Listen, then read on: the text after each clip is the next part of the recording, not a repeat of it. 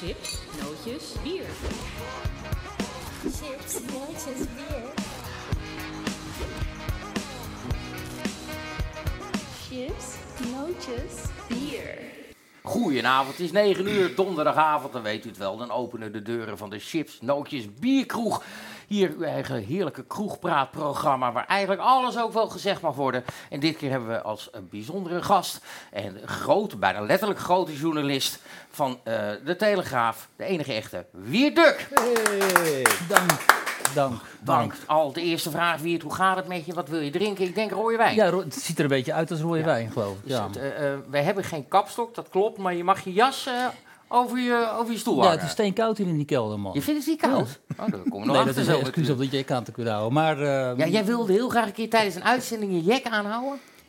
Ja, ik wilde graag een keer op tv mijn jek aanhouden. Ja, Ja. om onverklaarbare redenen. Maar ik dacht, weet je wat? Nee, als dat op jouw bucketlist staat, Bij geen jongen, bij alles. deze kan Ja. alles, kan alles. Precies. En uiteraard eh, is eh, degene die mijn facturen betaalt en die we een beetje denigerend onze sidekick noemen, er ook bij. Maar hij is absoluut niet eh, meer dan een sidekick. Bart Nijman alias Van Rossum. Jee, ja. Dag Bart. Goedenavond, Tom. Ja, wil je wat drinken? Biertje Doe gewoon? maar maar een biertje. Ja. Gewoon biertje. Ik mocht De- voor jou de- eh, de- niet meteen aan de rode wijn. Nee, ja, de, de, de fusten zijn niet geleverd, jongen. Nee, ik dus weet er het. wordt even blik. uit blik. Eh, hier, je krijgt hem er gewoon bij. Schenk hem lekker zelf in. Ik pak er ook eentje. Je bent ook een barman van niks eigenlijk, hè? Het, het, wordt gezellig. er nou je zit een hij, beetje in de Dennis Schouten sfeer van vorige week Ja, nog. ja, eh. ja, ja, ja. Je wist er ook een sport van te maken om ons heel de tijd te bashen. Hey, Welkom stond er nou onder Bart's naam hij hem? Hij, he- ja, stond dat, hè? Ja, Ja, dat, dat viel je op? dat valt mij dus onmiddellijk op natuurlijk. Ja, als journalist met dat Ja, oog. Dat, ja. eh, Ik zag het daar op, op die tv. wat, wat zouden ze ermee bedoelen? De vraag is, Dat wie is, geen- het, is het ironisch zij- of meen ik het? ja, dat is tegenwoordig wel de vraag. Eh, we gaan het er zo meteen over hebben, neem ik aan, eh, wat uh, men daarmee bedoelt tegenwoordig. Nou, we gaan het vooral hebben over cancel culture. Juist, Is daar ook een goed woord voor in Nederland? De cancelcultuur heet dat eh, tegenwoordig. Cancel cultuur. De, annuleercultuur. Zo. Ja, ik zag laatst wel een goed woord, maar ben ik natuurlijk weer vergeten. hè. Maar daar komen we zo meteen wel op. Maar een goede vertaling zocht ik en die was er wel, maar die, ben ik weer kwijt. Nou ja. Wiert, even heel kort in vogelvlucht jouw carrière. Begonnen als bassist in een punkband. en nu een mopperende rode wijndrinker. En daartussenin zit Rusland, Duitsland, AD, Telegraaf. Heb ik het zo Begin een en beetje... het einde klopt niet. Nee? Nee. Dus ehm eh begon. Jezus. Eh zullen we een heel stuk overslaan. En dan uit geëindigd bij de Telegraaf als algemeen verslaggever. En daarvoor, laten we zeggen, correspondent geweest in Rusland en in eh, Duitsland heel lang. Wanneer ben je teruggekomen naar Nederland? Eh, de eerste keer in, eh, wanneer was dat? 2006, denk ik. En daarna heb ik weer een paar jaar in Duitsland geweest. En toen in 2016. Schrok je je te pletten toen je hier terugkwam? In 2006 eh, wel, ja. Ja? Althans, ehm, nou eigenlijk, ja, eigenlijk, eh, in die tijd, eh, toen dat ik nog, vooral die tijd dat ik nog in Rusland zat eigenlijk. Omdat, eh, dat was tot 2001. En eh, Rusland, dat was echt wel zo'n hele heftige samenleving geworden. Met hele grote problemen en eh, ook wel grote larger-than-life personages. En eh, elke keer als ik dan terugkwam in Nederland, dan dacht ik, wat is dit een rare samenleving geworden eigenlijk. Van snel klagende mensen en mensen die om, om niks eigenlijk al uit hun vel springen. Dus toen begon het al een beetje, die, eh, wat je tegenwoordig eigenlijk nog veel meer uitvergroot ziet. Dat die, die splijting in de samenleving, hè, destijds met, dat kwam niet bij Fortuyn natuurlijk tot uiting.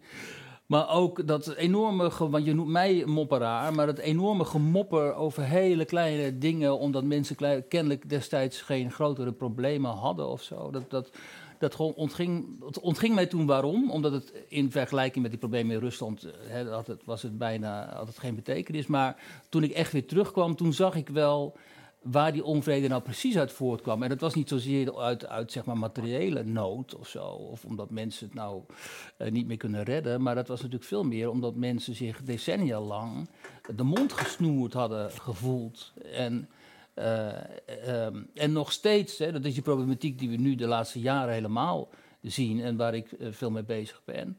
Het feit dat mensen vinden dat ze ehm, hun opinies eigenlijk niet vrij uit kunnen eh, uitspreken zonder gevaar te lopen. Ofwel als racisten worden weggezet, of als xenofoob, als, of islamofoob. Mensen die hun dan risico lopen op hun werk eruit te- liggen, of in, zelfs in hun kennis- en kring en zo. Dus dat was eigenlijk die echte onvrede volgens mij, die, die toen sluimerde en die uiteindelijk via Fortuyn en later en nu met Wilders en Baudet natuurlijk eh, tot eh, nog veel grotere hoogte. Oh, die, die dendert nog steeds door. Die denden nog steeds door. Want en dat is dus echt wel schrikbarend dat dat dus al zo lang eigenlijk Denk je dat dat ten tijde van Fortuyn... Ik bedoel, ik, ik ben van de 81, dus ik heb de opkomst van Fortuyn al meegemaakt. Mijn politieke bewustzijn begon, laten we zeggen, in de loop van de jaren 90.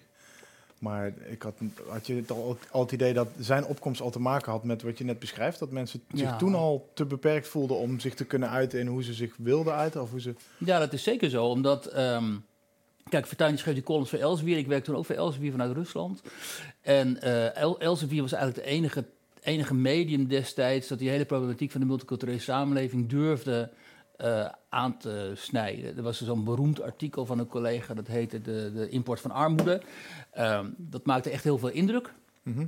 En dat ging daarover. Van, ehm, ja, wat hebben we nu eigenlijk, hebben, hebben, wat hebben we nu eigenlijk precies, precies gedaan? Wat wilden we nou precies met die gastenarbeid? En hoe zijn die gastarbeiders en hun kinderen uiteindelijk terechtgekomen? En eh, dat was eigenlijk dat was gewoon taboe. Hè? En die, die, die Hendrik Jan Schouw, heeft het, die was toen hoofdredacteur, die heeft het toen allemaal aangestipt. Die heeft het, die mensen van Elsevier ook daar echt eh, op pad gestuurd, zeg maar, of aangemoedigd om dat soort eh, stukken te schrijven. Maar dat gold, er is een leuke anekdote over Rot, Felix Rotterberg. Die was destijds in de Partij van de Arbeid belangrijk. En die, die vertelde later dat hij die stukken wel las van Elsevier, maar die las hij nog stiekem in die kiosk, want hij kon, je kon natuurlijk Elsevier niet, niet kopen. Weet je wel. Meenemen naar de sfeer, fractiekamer. ja. Ja. Ja? En pas toen dus Paul Scheffer, Scheffer in NRC. precies hetzelfde. Hè? Elsevier schreef dat al jaren, maar Paul Scheffer die schreef precies hetzelfde in het multiculturele drama in NRC. Ja. Toen opeens ging die bom, bom. Hè? Terwijl dat was allemaal al lang bekend. Die cijfers waren, de stukken waren verschenen in dat blad van Fortuyn. Maar dat was een rechtsblad of extreem rechts hè, in de ogen van, die, van de, de, de grachtengordel waar we hier middenin zitten. Ehm, de Scheffer moest het zeggen. En dat is nu immers ook zo. Dat is met die cancel culture ook zo. Dat zul je ook zien nu. Hè, nu je dus de mainstream bereikt. Nu misschien ook wel mensen uit de mainstream, artiesten of, of opiniemakers of wie dan ook, daar slachtoffer van gaan worden. Nu wordt het opeens een ding. Hè, en, dus het moet altijd tot de mainstream eerst doordringen. En dan opeens kan het gedetaboeiseerd worden. En eh, daar heb je dus de, de pioniers eh, voor nodig. Ja, Dat cancel culture, hè, we hebben al een paar keer genoemd, Ja. dat speelt eigenlijk al een tijdje, toch? Dat is niet van nu. Het is, het is, de cancel culture is een soort eh, uitwas ervan. Waarin, want eerst was het gewoon, dan kon je het niet zo makkelijk zeggen. En dan moest je een beetje uitkiezen met tegen wie je. Je moest even de temperatuur in de ruimte voelen voordat Ja. je kon zeggen wat je wilde zeggen. Maar nu loop je het risico dat als je iets zegt, dat ze eh, letterlijk achter je baan, achter je positie aankomen. Dat is een. de, de dat is een- Boomsma, eh, Ja, methode, ja, de, de advertentieboycott van Veronica Insight inderdaad. Dat is, dat is echt een, een, een, perfect Nederlands voorbeeld van rec- recent Nederlands voorbeeld van cancel culture. Waarin Ja. ze echt proberen om een programma van de buis te halen, omdat iemand in het programma iets gezegd heeft wat vermeend, want het was natuurlijk niet, racistisch zou zijn. Ja. En dat is, een- en dat Dat is een Dennis uitwas die, je in die meegemaakt. die, eh, met Talpa eruit geflikkerd worden omdat hij trainer ja, heeft dat, gezegd. En, ja, nee, dat lag iets anders natuurlijk. Want nou, hij werd, meid ging ook oproepen, Ja, maar hij- eruit, ja, maar ze moesten er uiteindelijk uit bij Talpa, omdat hij in zijn eigen programma verteld had hoe het achter de scherm was gegaan. En daar was Talpa Ja. bozer over dan. Maar zij, werd, zij had dat ook gedaan en zij werd daar wel in voorgetrokken. Dat Nee, maar wat zij zei, is, jullie moeten hem gaan disliken en hij moet van het kanaal af. eh, ja. Dat is een vorm van cancel Dat was een oproep van haar. Ja. En dat Talpa het uiteindelijk gedaan heeft, heeft, dat ze uiteindelijk bij Talpa buiten gezet zijn, is, zal daar ongetwijfeld mee te maken hebben. te maken. Maar de- het argument wat ze hem gaven was dat hij in zijn programma had verteld wat er achter de schermen was gebeurd. Dat wilde Talpa niet hebben. En zijn weerwoord was, ja, maar dat deed zij ook. En dat mocht wel. En daar zit dan inderdaad wel een, een smaakje cancel culture aan van de een mag het wel, de, de transseksuele vrouw of man. Of ik weet niet welke kant, ik ken haar verder niet. Ik ken er ook niet. Daar moet je dus al heel voorzichtig mee zijn met dit soort... Het is eh, gewoon een tranny. een tranny, dat ja. moet je dan, mag je dan ook niet meer zeggen. Mag zij Wij zelf wel, wel? mogen wij niet. En eh, eh, die krijgt dan het voordeel van de twijfel. En Dennis kreeg in deze het nadeel van de twijfel. En dat zie je dus in dit soort gevallen eh, dus steeds meer gebeuren. Ja, maar wat jij zegt dat al langer speelt. Hè. Kijk, de eerste keren dat, eh, dat ik daarmee geconfronteerd werd, denk ik, was toen eh, Jordan Peterson daar eh, mee geconfronteerd werd in Canada. Toen had hij gezegd dat hij zich niet wilde voegen naar een nieuwe wet. Weet je nog? Ehm, die voorschreef dat je mannelijke en vrouwelijke pronouns of zo, dat waren dan niet meer de enige. Ja, daar kwam het op neer. Het werd strafbaar als je ze niet zou gebruiken of zoiets. ja, het werd strafbaar als je een, zeg maar, een, een, een pronoun voor zeg maar, mensen die tussen man en vrouw inzitten. Als je dat niet zou gebruiken, en hij wilde dat niet, want hij is, zegt van ja, maar horen ze, we moeten secuur met de taal omspreken, ook met, springen en ook met de biologie. Dus ik ga dat niet doen. En eh, toen werd hij dus woedend bejegend door eh, studenten op zijn uh, faculteiten, waarover die filmpjes dat je zag, dat hij dus echt uh, aangevallen werd. En die studenten die stonden tegen hem in te schreeuwen en zo. Dat was eigenlijk het begin van die schreeuw schreeuwcultuur die je nu ziet. Hè? Want het, je, er wordt helemaal niet meer gesproken, maar er komen dus van die totaal opgefokte gastjes, die komen dan op, op je af of op die eerbiedwaardige docenten en die gaan recht in zijn gezicht schreeuwen en spugen. En als iemand dan iets terugzegt, dan blijven, gaan ze nog harder schreeuwen. Dus ze, zijn dus, ze hebben dus enorme angst uh, voor de argumenten, omdat ze natuurlijk weten dat zij niet de juiste argumenten in handen hebben. En je zag Pietersen, dat was wel erg mooi om te zien, omdat dat, dat, dat, dat, dat symboliseert zo die overgang van een samenleving waar nog enigszins wordt ge geprobeerd om via de reden en rationaliteit en het debat en het gesprek aan te gaan. En dan gezamenlijk hè, te komen tot oplossing, tot inzichten, laat ik het zo zeggen. Je hoeft niet met elkaar eens te zijn, maar je kunt tot, tot inzicht proberen te komen. De, en dat probeert die Pietersen als intellectueel natuurlijk ook. Hè. Dat, is zijn, dat is zijn opdracht, dat is, zo staat hij in het leven. En, uh, en dat probeert hij dus met die, met die studenten, weet je wel, met dat paarse haar en weet ik veel wat ze al dragen tegenwoordig. En van die My, Little Pony Ja, dat, dat, en van een jaar of twintig. En dan, dan is er geen enkel gesprek mogelijk. Hij wordt alleen maar. En, en, en nog heftiger was het op een gegeven moment, weet je nog, met die Brad Weinstein. Ja, mag ik je heel even onderbreken? Ja. Want voordat je hem helemaal gaat uitleggen, Oh, hebben we, we hebben Oh, hem even in, eh, in drie minuten gegooid. Hij heeft het wel aardig ingeleid, toch? Ja, lijkt me wel, ja. Ja, ja, ja, want, ja. Want, want in 2017, eh Brad Weinstein op een, eh, de Evergreen College in de staat Washington. Hebben we, dat is een zeven minuten durend filmpje, geloof ik. We hebben er een paar stukken even uitgehaald. Daar gaan we even naar kijken en dan gaan we het er uitgebreid over hebben. Oh, ik moet tegenwoordig zelf op de knopjes drukken hier. Ja, ja, je moet alles zelf deze. Ja.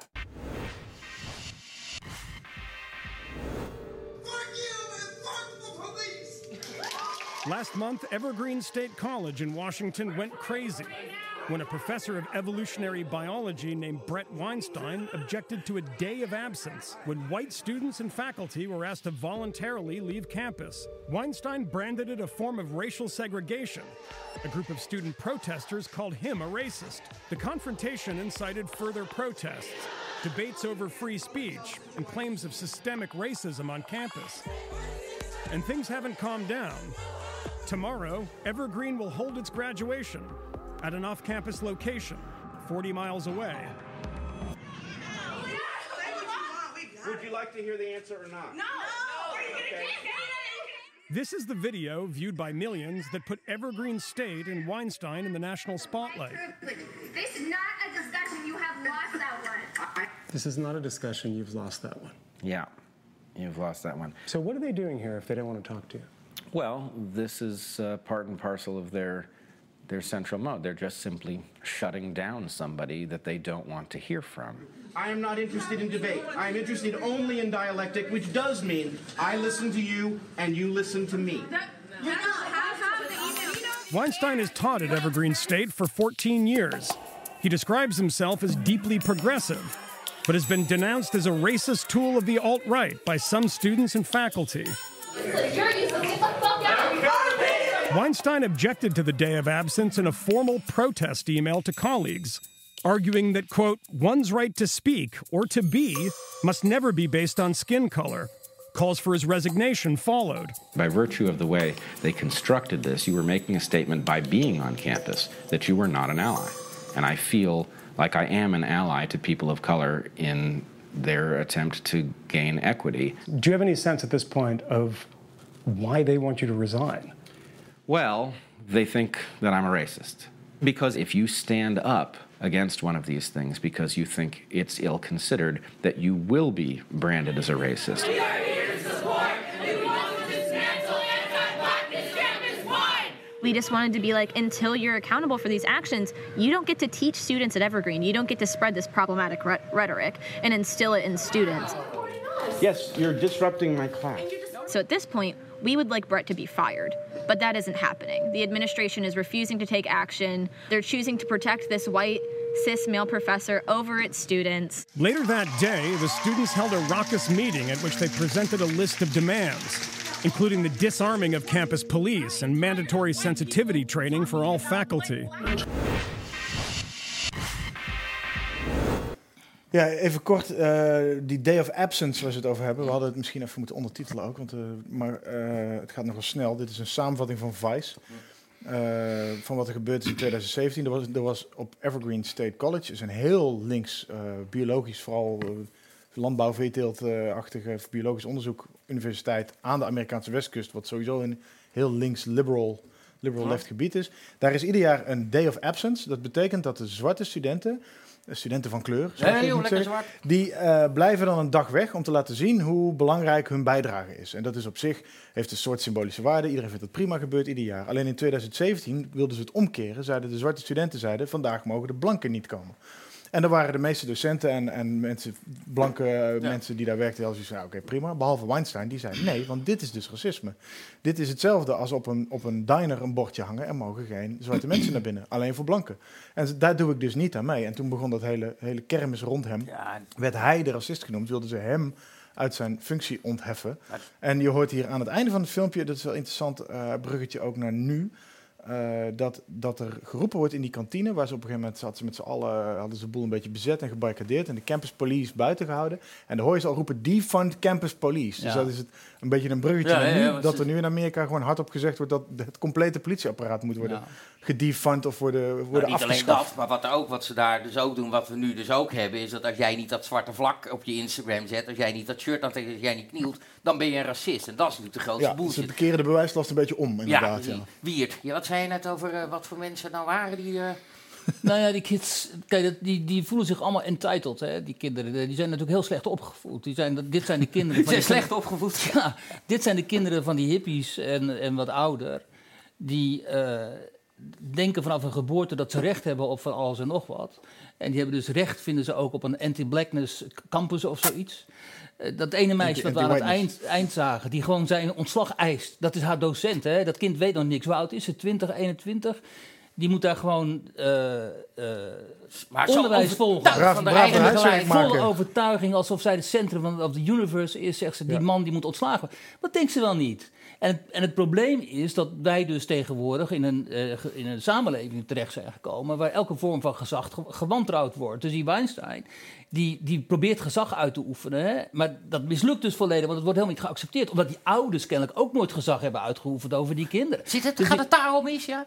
Denk, Nou, dat daar dat gaat wel het een rol speelt. Ja, ja, dat zijn wel natuurlijk kinderen Maar wat hij ook zegt, wat die Weinstein ook zegt, is ik ben hier niet om met je te debatteren, ik ben hier voor een gesprek. Dat Ja. betekent dat jij luistert naar mij en ik luister Ja, dat naar willen ze jou. helemaal niet. Maar, de- maar merk jij dat, dat dat bij de linkerkant lastiger is dan bij de rechterkant, dat daar meer open staat? Of is het dan allebei de kanten zo? eh, eh, Nee, dat- ik vind wel, eh, want ik ken beide kanten natuurlijk vrij goed. En ik vind wel dat er bij eh, links, omdat die denken vanuit de morele superioriteit, eh, een veel groter, eh, veel mindere neiging is om mensen van rechts, dus met afwijkende eh, opinies, in hun mening. eh, te accepteren als gelijkwaardige gesprekspartner. Die mensen die op rechts, die, eh, zeg maar, die niet politiek correcte of niet progressieve opvattingen hebben, die moeten gewoon bekeerd worden. En als ze dat niet, niet willen. eh, en als ze dat niet willen, bijvoorbeeld op de manier van men- mensen als Wilders of Baudet, die gewoon zeggen: joh, ik heb met jou helemaal niks te maken, eh, ga weg met, met, met je bekeringsdrift, dan worden ze woedend. Want dat, dat kan niet. Je moet bekeerd Zondag moet, aanstaande zondag met dat antiracisme-debat, hè, dan moeten wij in Nederland collectief bekeerd worden Opvoeden. tot het antiracisme. En dan gaan we een soort kerkdienst onder leiding van Jort Kelder gaan we kijken. En dan uiteindelijk, hopelijk, hè, zijn we allemaal antiracist en, en, en weer, hebben we dat zijn weer we volgens mij al consensus. hoor, maar... En op rechts, wat mij op rechts altijd opvalt, dat is dat eh, mensen eigenlijk eh, wel fijn vinden als iemand van het, van het de, de politiek de tegengestelde kamp met hen in gesprek gaat. Want dan voelen ze zich eindelijk ook eens een keer gezien. Want die mensen denken natuurlijk altijd heel vaak van ja, ik, ik, ik, ik ben hier wel aan het twitteren en aan het roepen en doen, maar niemand luistert naar mij. Behalve Geert. Hè? Ja, Geert ja. is hun held. En Baudet, die is Thierry die-. Thierry, die vinden ze al een beetje, al- vaak al een beetje maf en zo. Dus dan is Geert dus dan een held. Dat de enige die luistert. En als er dan eens een keer iemand uit dat, dat echt dat, dat, dat, dat, dat totaal gevestigde establishmentkamp, je kent het wel, hè, de Joris Luijendijks en zo, dat soort types. Of de Rutger Bregmans, als die dan eens een keer afdalen van hun troon en zich verwaardigen om dan in die wijken te komen en zo. Dan zijn die mensen eigenlijk heel erg eh, geneigd om met hen in gesprek te gaan. Dan denk nou, dat is toch wel eens een keer leuk als ik hè, dit, eh, een, beetje, een beetje aapjes kijken. Maar goed, dan, ik, ik wil daar best wel van die mogelijkheid gebruik maken. En ehm, dat is natuurlijk van beide kanten een hele sneuwe positie. Omdat er zou gewoon een volwassen debat moeten zijn tussen conservatieve en progressieve standpunten. Daar is niks mis mee. Die moeten verdedigd kunnen worden. Mensen moeten, zoals die Weinstein noemt zichzelf ook een progressive of een liberal, wat noemt hij zich dat? Die man, daar verder helemaal niks mee aan de hand. En die moet gewoon in debat kunnen gaan met iemand als Peterson die de conservatieve standpunten op nahoudt. Maar in Nederland is het helemaal niet zo. In Nederland heb je altijd hoekse en kabeljauwse twisten. Je hebt altijd afsplitsingen binnen die, binnen die Calvinistische kerk. Ze vechten elkaar de kerk uit, vooral in Nederland minder de tent, maar meer de kerk. Ja, dat is de aard van het volk. En ja, dat maakt het heel lastig om een gesprek aan te gaan. Want zodra ik eh, hè, eens een keer iets poneer, dan ik krijg nooit een argument tegen. Ik krijg altijd, ja, maar je bent een racist. Ja, wat heb ik daar nou aan? Dan noem je mij een racist. En dan moet ik dan zeggen, oh, sorry of zo. Wat lullig dat je dat vindt. Probeer eens met mij eh, in debat te gaan. Maar nee, dat, dat kan niet. Nee, want je bent, ze willen niet met je in debat, want je bent een De, racist. de Weet kortzichtigheid is altijd zo interessant. Dat ze je een racist noemen en dan vervolgens denken dat je dan dus maar aan hun kant komt staan of zo. Als, als je racist genoemd wordt, dat is het laatste wat je gaat doen, is bij de mensen gaan staan die jou net voor rotte vissen Ja, buiten. precies, je moet wel iemand xenofoob, fascist, racist, eh, islamofoob noemen en dan denken, en nu kom je in ons kamp. Is dat, dat, dat, dat, dat smaakt een beetje naar alsof dat inderdaad een, de voorzet is geweest. Nou, omdat dat dus niet werkt, mensen heel dag racist noemen, zorgt er niet voor dat ze aan jouw kant komen staan. Dat ze dan dus op een gegeven moment maar zijn gaan schreeuwen en zo. Oké, dan Nou, moet je maar gewoon kijk, helemaal... wat, wat, ze, wat ze willen uiteindelijk, dat is eh, dus dat je je mond houdt. En dat als het niet lukt eh, om jou je mond te laten houden, dan, moeten ze, dan gaan ze ervoor zorgen dat de mensen die jou een podium geven, jou geen podium meer gaan geven. Hè? Dus, En dat heb ik wel heel sterk meegemaakt. Dat eh, mensen, en, en daardoor kleeft ook een beetje dat rare stigma mee. Omdat massa's mensen zijn begonnen op een gegeven moment eh, met pogingen om mij de mond te Jij snoeren. wil zeggen En- dat aan andere mensen ligt. Kom er zo op. En, Nou, zo ging ehm, dat vorige week de hele tijd bij mij, dus eh, hoekje alvast. Ja. Nee, maar je zag het bijvoorbeeld eh, recentelijk met eh Filan Ekers, toevallig ook mijn ex. Hè. Ehm, Toevallig volgende week onze gast. Oh, nou, Chip kijk aan, Bier. oh, kijk aan, Eh, kijk Wees aan. welkom, of misschien Ehm, beter niet. Die moest ook de mond worden gesnoerd, hè? want die, had, zich- die was presentator geworden van zo'n programma bij de moslimomroep of uh, Humor, weet ik veel. hoe Ja, allemaal maan ging zij. Ja, Nieuwe- nee, de nieuwe nieuwe maan. Oh, nieuwe maan. Sorry. En dat mocht niet. Dat mocht niet van deze kringen waar we het over hebben. En eh, eh, de hoeveelheid eh, insinuaties, framing, eh, beledigingen eh, die zij over zich heen kreeg, dat is echt niet te geloven. En, ja, zeker toen ze op een gegeven moment Jan Roos had uitgenodigd Ja. om langs te komen daar. Ja, en die, en die gozer van uh, Pegida, weet je ook alweer? eh, Wagersveld. Ja, dat zijn het. Ja, eh, dat, maar dat is precies wat je net zegt. Dat kan dan niet. nee, dat kan niet. Dat, Dat, dat, dat, is, dat, dat is wel apart. Ik moet wel zeggen trouwens dat NPO, haar, in die zin, iedereen wil de linkse NPO, ze gaat wel de DWDD presenteren met Rens Klaar. Ja, ik hoorde het. Dus die, er is niemand Ja. die haar onder een bus heeft gegooid. Ja, daar. maar, Zeker dat is, niet. Kijk, maar als, als we dat op deze manier gaan neerleggen, van, eh, ja, maar ze, Nee, zeg niet. iemand als nee. Fidan Ekis kan wel gewoon de nieuwe DWDD presenteren, dan ga je dus alsnog suggereren dat Fidan Ekis aan een soort uiterste van een spectrum zit. ja, wat helemaal En niet zo dat- is natuurlijk. en- en dat voor alles- niet, dat- maar Ja. zoals het net beschreven wordt, voor heel veel van de mensen, Ja, eh, maar- de linkse mensen wel. Ja, maar, dan, maar dat, is, dat is toch juist heel bizar om dat te moeten Ja. constateren. Als, Ja, je natuurlijk Fidan, is dat bizar. als je Fidan op tv ziet of in een interview leest of haar columns leest, dan lees je iemand die een beetje recht door het midden probeert te zoeken naar het ligt een beetje hier, het ligt een beetje daar en ik weet ook niet alles, maar help me om er te komen. Weet je, dat, Kijk, vroeger had zo iemand in de oude Partij van de Arbeid gezeten, hè, voor de, de, de onder Drees, zeg maar. En dan ben je so sociaal-democraat, heb je dat soort opvattingen. Hè, dan maak je een beetje zorgen over die, immigratie. die man die net uit de geschiedenis is gegumd met die kanon. Ja, die man die net uit de kamer is gegooid. Eh, en maar tegenwoordig ben je dan ehm, uit te zeggen. Maar weet je, ik vind. ehm, ik heb me daar een tijdje druk over, of tijden eigenlijk wel, ook druk over gemaakt. Ik dacht, ja, die klopt niet en het is niet goed voor debat en zo. Maar ik heb nu, zo, nu zoiets van, joh, het zal allemaal wel. En dat moeten jullie dan vooral doen, ehm, eh, want je schiet er niks mee op. En dat- je schiet er ook weinig mee op om je daar de hele tijd druk over te moeten maken. En eh, je iets van die mensen te moeten aantrekken. Als ze dat vinden, dan moeten ze dat maar vinden. En in mijn opvatting spelen ze sowieso een verloren wedstrijd. Wat, ehm, Want? Hè? Want we- Nou, omdat de geest van, van een meerderheid is natuurlijk niet zo. Hè? Die is niet zo extreem. En als je naar... Ik ben heel veel onderweg en praat heel veel met mensen. En als je gewoon een soort thermometer in die Nederlandse samenleving steekt... Ja, dan kom je toch altijd uit op een soort centrum rechtse... eh, meerderheid van mensen die gewoon een fatsoenlijk leven wil. Ja. Hè, die, die pleiten ook voor gemeenschapszin, die met elkaar willen leven, met, met die wijken, hè, en die straten, die, de verenigingsleven en zo. En die mensen die zitten allemaal een beetje natuurlijk in hun mentaliteit eh, eh, rechts van het CDA, misschien rechts in Partij van de Arbeid. Dat echte hele linkse sentiment. Is dat, heel klein. Dat is dat zit- heel klein. Ja, en het is- echt uiterst rechtse sentiment dat is die, natuurlijk die, ook. die lange mars door de instituties die vanaf 68 gemaakt is door links. De, dat die eh, eh, linkse mensen zijn sowieso natuurlijk wat sneller maatschappelijk aangehouden dan rechtse mensen. Niet dat rechtse mensen niks om de samenleving geven, maar linkse mensen willen dat graag ook heel erg delen, dat gevoel. Dus die Ja. gaan in de cultuursector en in de media en eh, in de kunsten. En die gaan zich daar een beetje roeren. En die nemen dan ook langzaam maar zeker een beetje die, die, die zuilen over, om het maar zuilen te noemen. En dan Ja. krijg je dus dat Nederland een gemiddeld behoorlijk linkse media heeft. En dat, zelfs dat Behoorlijk is al, links, is, gewoon, al, eh, is al twijfelachtig om te zeggen. Dan wordt er al geroepen ja, dat, dat het niet waar is of zo zijn. Want Bierduk schrijft toch in de Telegraaf. Ja, en de je hebt Telegraaf is toch een- de WNL. Nou, WNL Ja. heeft die gozer van quote als eh, presentator bij Ja, de noem het maar 1. vrolijk- nou, noem het maar eh, vrolijk rechts. Die is rechts. dat Ja, ik, ik, ik vind het leuk hoor, s ochtends naar die meiden kijken die dan een, een tankstation staan te interviewen. Nee, maar dat is een ander programma. Tom. We hebben het niet over WNL. Maar daar is geen flikker rechts aan. Nee, dat is, kijk, eh, dat Goedemorgen Nederland is natuurlijk een soort CDA-VVD-filiaal. En op één met die, met die Sander, dat is gewoon, dat kan, dat kan ook BNN, die is van BNN, WNL, die ja. is van maar die kan ook BNN-Vara zijn. Dus een gemiste kans. WNL had er iemand neer moeten zetten met echt wel eh, gezonde conservatieve opvattingen, maar dat is kennelijk niet gelukt, dat is jammer. Ehm, dus je moet, kijk wat Bart zegt, die, die, die, die, die linkse, de progressieve mensen, zeg maar, we het zo maar noemen, die hebben inderdaad die mars door al die instituties gemaakt. En dat heet dan cultuurmarxisme, mogen we ook niet zeggen, maar dat is het wel. En ze hebben zich meester gemaakt van de media, de cultuursector, de, de, de onderwijsinstellingen heel, heel sterk. Hè? Ehm, eh, dus dat is één, daar, heerst, één opinie. Die mensen zijn het ook allemaal met elkaar eens. Ehm, dus wat daar buiten valt, daar zijn ze het niet mee eens. Ehm, en wat daar buiten valt, dat kennen ze ook niet zo goed vaak. Hè? Want dat vinden ze maar verdacht. Of ze, ze, ze komen niet in die wijken of zo. Of, hè, ehm, of die boeren, dan hebben ze weer oh, die boeren met die trekkers, dat vinden ze ook eng en zo. Dus dat, dat is een hele, eh, hele in zichzelf gekeerde toch wel wereld qua opinies. Eh, en om die te doorbreken, eh, dat is eh, enorm lastig. Want, eh, d- want er zijn niet zoveel mensen die het op zich nemen om dat te doorbreken, om dat aan de kaart te stellen ook. Want het, het kost heel veel moeite en energie en je wordt bedreigd en zo. Dat, dat willen heel veel mensen natuurlijk niet.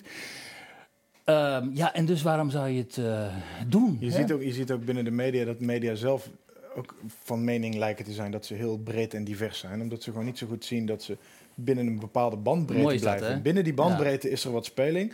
Maar buiten die bandbreedte van de media heb je nog heel veel. Ja. Zit daar op, op extreme links zit nog een Ja, klein beetje. En aan de andere kant zit nog... Ja, want daar zie je con- continu die tegenbeweging. Dat zie je bijvoorbeeld... eh, we hadden het net over Fidan. Die was natuurlijk twee weken geleden... Eh, dat fragmentje hebben we trouwens. Zullen we dat even laten Wil zien? je dat nu even ja, zien? Dat, Dat dat, gaat over, dat gaat over... Wacht even, voordat je op je knop Ja, drukt. ik druk nog niet. Ik heb Over dat Veronica Inside ding. Dat heel Nederland tuimelt over Veronica Inside. Omdat hij, eh, Johan Derks, een grapje gemaakt had over Aquasi. Nou, ze mag inmiddels bekend verondersteld zijn. Eh, en daar kwam een, een advertentieboycott uit voort. Wat door de media heel erg werd aangejaagd. Niet, niet dat zij het expres aan het doen waren. Maar door er zoveel aandacht aan te schenken, kreeg het natuurlijk wel zijn eigen energie. En toen zat Fidan zat vervolgens bij op één tegenover Wilfred Gené. En die zei het volgende. Fuck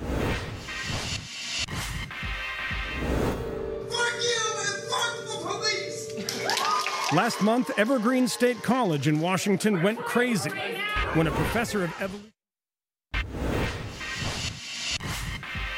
Ja, weet je wat zo bizar is, wat su- surrealistisch is eigenlijk? Jeroen zegt, eh, hè, we kunnen, laten we uitzoomen. En als je uitzoomt, is wat je ziet eigenlijk hoe makkelijk wij meegaan in veranderingen. En die verandering is toch een vorm van opgelegde onvrijheid door het moreel geweten van Nederland. eh, door door ehm, ja, hoe zeg je dat, fitnessgoeroes die opzetten tot, eh, oproepen tot een boycott van het programma. Arie Boomsma. Dat is pas ja, ik ga Dat toch zeggen NSB-gedrag, vind ik. Waarom ga je daarin mee? Waarom gaan jullie daar, daarin Omdat, mee? Het Fidan- gaat nu over Johan Derks, het gaat over jou, maar daar zou het eigenlijk over moeten gaan. maar dat vind ik Hoe helemaal. zijn we zo ver gekomen? Maar Fidan, dat ben ik volledig met je eens. Dat is absurd dat dit kan gebeuren. En het zou van ons allemaal een Maar les waarom heb jij niet op dat moment tegen de eindredacteur of wie dan ook gezegd... Dit gaat te ver. Wij, wij, voelen ons nooit, wij voelen nooit de noodzaak om ons te verantwoorden. Eh, Johan zag je- Derksen maakt een grap die ik eerlijk gezegd ook echt wel grappig vond. Die man had daar volgens mij geen enkele racistische intentie eh, mee. Waarom is er dan niemand die op dat moment durft te zeggen: wij gaan ons niet eh, verantwoorden? Waarom? Want dat hebben we nooit gedaan. Waarom zouden we meegaan in ik die denk-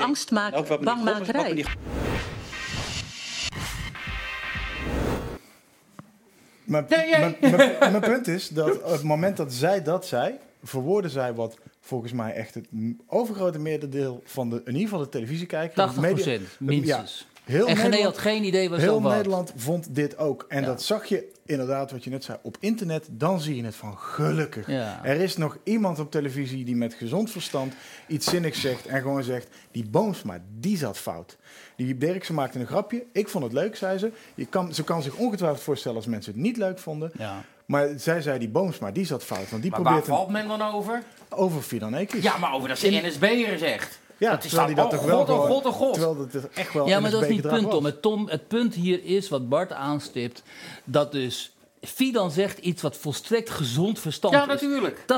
80% van de Nederlanders vindt dat. Die Ja. denkt, joh, zeik niet zo over het ene grapje van die Derksen. Je weet hoe Derksen is.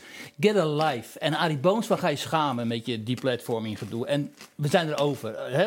Klaar, het is Kees. Je ziet Fidan dit zeggen. Gené die zegt de hele tijd, ja, vind ik ook, vind ik ook. Maar hij heeft geen idee waar ze het over heeft. Hij heeft echt geen idee wat ze bedoelt.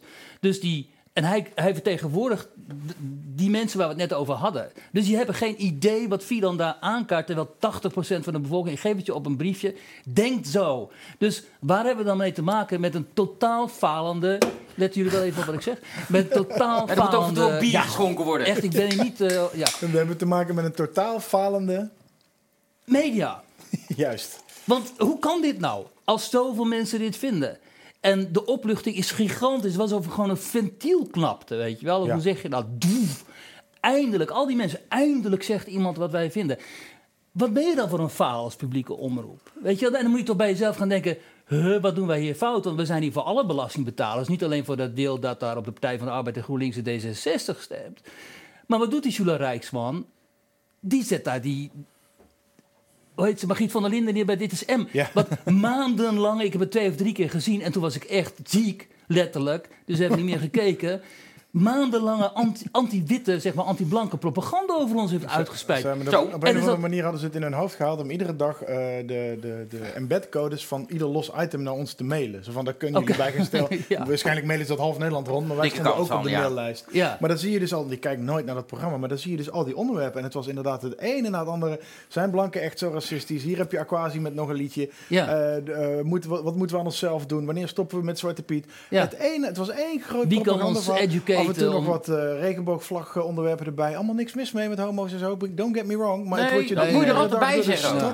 Ja, dat is ook zo. frust- Ik bedoel waarschijnlijk voor deze kijkers niet. Maar Nee. het is maar dat, dat sloeg dus nergens meer op. Dat is dus een programma, moet je even voorstellen, een programma van Caro en CV. Dat was vroeger de backbone van de samenleving, hè, de ruggraat, CDA En een is beetje dat. rechts. Ja. Beetje rechts, beetje conservatief. Weet je, ehm, dat is wat we nodig hebben. Dat is, hè, dat, dat- balans. Tegengeluid, als balans. Als balans heb je altijd die ruggengraat nodig in de samenleving. Anders valt jouw samenleving uit elkaar. Dus we hebben ook een groot CDA nodig. Het is heel slecht dat het CDA zo klein is geworden. Want het CDA is, moet, moet de ruggengraat in met zijn gemeenschapszin en zo zijn van deze samenleving. Als Siewert die begrijpt het goed. En, Pieter Omtzigt ook trouwens. Ehm, en dan ga je zo'n programma wat heel radicaal is. Heel extremistisch eigenlijk. Wat eigenlijk een soort VPRO programma zou moeten zijn. Hè? Dat ga je op primetime s'avonds maken. Dan, dan ben je gewoon van het pad af. Dat, is, dat is niet oké. En dan het, het interessante nu is, dan komt er dus zo'n antiracisme-debat zondag. En dan zou je denken, oké, nou, dit wordt dus de, de, de, de, cumulatie van die maanden van de gezeur over racisme en zo, en systemisch racisme in de Nederlandse samenleving. Dus daar gaan we een schitterend eh, vrouwelijk donker talent zien dat dat gaat presenteren. En dan trekken ze Jort Kelder uit de hoed. En dat, hoe dan? Ja, dat vond ik eigenlijk wel Niks te nadelen van Jort, maar hoe dan? Het is een hele goede debatleider. Hij is een hele goede debatleider. Ja, of alsof er niet geen vrouwelijke, donkere, allochtone debatleiders zijn. Die ook nog eens een keer weten wat het is om donker te zijn en vrouw te zijn. En misschien inderdaad wat te maken hebben gehad met seksisme en racisme. Zo. Nee, Jort gaat het doen. Dus, dan, met de andere, en dus die activisten die Maar- nu protesteren, die Ja. Jort wil die platformen, die hebben gelijk in de zin dat ze de foute presentator hebben gekozen. Niet in die platformen. Dus Maar die, dat- die publieke omroep laat zo zien dat ze dus zou het voor het niet leiden- begrijpen. Ze zijn gewoon een touch met reality, om even een goed Nederlands woord te gebruiken. Ik weet niet wat dat is. Alleen ik kijk en ik denk. Hoe kan dit nou? Voor het leiden van een debat zou je natuurlijk op zich niet uit moeten maken welke huidskleur de presentator heeft. Nee, maar Ja, wel maar als je maandenlang dus hebt gezegd... Wij moeten, ze hebben zelfs een divi-bokaal ingeschreven. Ja, Ja, ons Dus je, je stelt een divi-bokaal in. Je, je, je maakt ons maandenlang wijs dat het zo ontstellend belangrijk is... dat de Nederlandse samenleving en de, de, de, in al zijn Simone- vertegenwoordigingen... Simone Wijmans zal zich wel aardig gepasseerd gevoeld hebben. Want Nou, die ja. roept hard op dat ze binnen bij de NOS probeert om het een en het ander wat eh, meer eh, inclusief te maken. Nee, maar en divers serieus, als jij dus en dan bellen ze die man met die bretels om het, eh, om het racisme-debat te leiden. Maar als jij meest- pleit voor diversiteit, inclusiviteit en antiracisme en zo... en dan zet je door, toch bij zo'n Maar uitzending andersom, een ze hadden- icoon neer. eh, Ze hadden, ik, ik weet eh, uit verschillende hoeken dat er bij de NPO aan de binnenzijde wel wat, wat brandende prullenbakjes zijn waar ze nu met handjes in de lucht omheen rennen omdat er zoveel ophef om Jortes ontstaan. Maar Zinny Osdeel, die had, ze, ja. Had ze een beetje teruggefukt, want die werd dus uitgenodigd voor het debat en die heeft gezegd, ik kom alleen als ze genoeg witte mannen uitnodigen. Die wilde namelijk voor de balans ook zorgen Ja, dat hij niet alleen maar tussen alle kleurtjes wel in zo'n ja. debat verpakt zou worden. Nee, maar weet je, ook dat wat jij net zei over het palet hè, van, van wat daar dan mogelijk is. Hè, dan, ehm, dat is ook zo leuk om te zien dan dat, dat bij die publieke omroep. eh, dan denken ze natuurlijk ook, ja, we moeten ook af en toe rebel hebben. Hè? Dus, eh, want dat is, eh, hoort ook bij de dat is afspiegeling van de samenleving. Dus dan hebben ze Jort, dat is dan een rebel. En Eus. Ja, Eus, ja, ook, Eus rebel ook een binnen rebel. de marges En, inderdaad. ja. en die mogen dan allerlei... Ja, doe maar. En de, de nieuwe rebel is, is, is dus Schimmelpenning bij, bij En WNL. Simon Penning is ook een rebel. Ja, een quasi-rebel, geen echte Ja. rebel. Het is gewoon een opportunist met een glad praatje en een goed smoeltje. Ja. En hij, hij doet wat er van hem gevraagd wordt. En hij eh, heeft zich daar een beetje naar binnen gewerkt door eh, eh, eerst Siebert aan te pakken. Want dat was natuurlijk, die was eerst een lieveling van DWDD, is uit die kruiwagen getrapt. Ja. Nou, die affaire met, Ja. eh, met de, weer rond het Mir- Mir Schaffendas in de Wereld Draait Door, hebben we het hier ook over gehad. Ja, uitgebreid.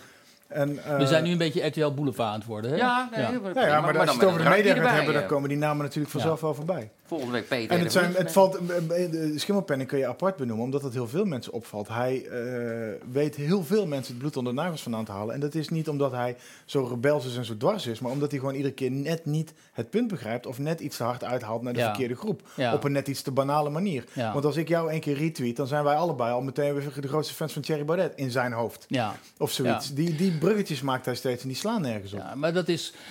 Dat, kijk, en dit is in alle opzichten jammer. Ook hè, dan, en dan de positie van eh, Baudet bijvoorbeeld. Omdat Thierry heeft natuurlijk allerlei hele interessante analyses over hoe die samenleving op dit moment ervoor staat. en Thierry die is ook een goed voorbeeld van wat jij net aan het begin zei, van dat rechts al snel een beetje eh, eh, schrikt of eh, als ze ineens gehoord worden, eigenlijk niet meer, zich- niet meer zo goed raad weten. Ja. Dan, dan, Ja. Het is een beetje de- wat, wat het, de Joker in The Dark Knight zegt. Ik ben als een hond, als ik, me, als ik, ik zit achter mijn staart aan, als ik hem te pakken heb, zou ik niet weten wat ik moet doen. Dat is een beetje hoe Thierry op zijn eigen succes reageert. Hij kwam met Nou een ja, bepaald dat is hem verhaal. natuurlijk ook overkomen. En dat heeft hem waarschijnlijk ook overdonderd. En eh, waarschijnlijk heeft hij ook, denkt hij... Kijk, het, het punt is natuurlijk ehm, dat eh, hij ook nooit... eh, of zelden eerlijk wordt be- benaderd. Dat is waar, Hè? dat is zeker waar. En als je dat een aantal, dat is mij ook wel eens overkomen, een aantal keren. Als je dat een aantal keren overkomt, dan wordt je wantrouwen groeit natuurlijk. Op een gegeven moment dan zeg je tegen die, tegen die programma's, laat me zitten, ik heb geen zin meer.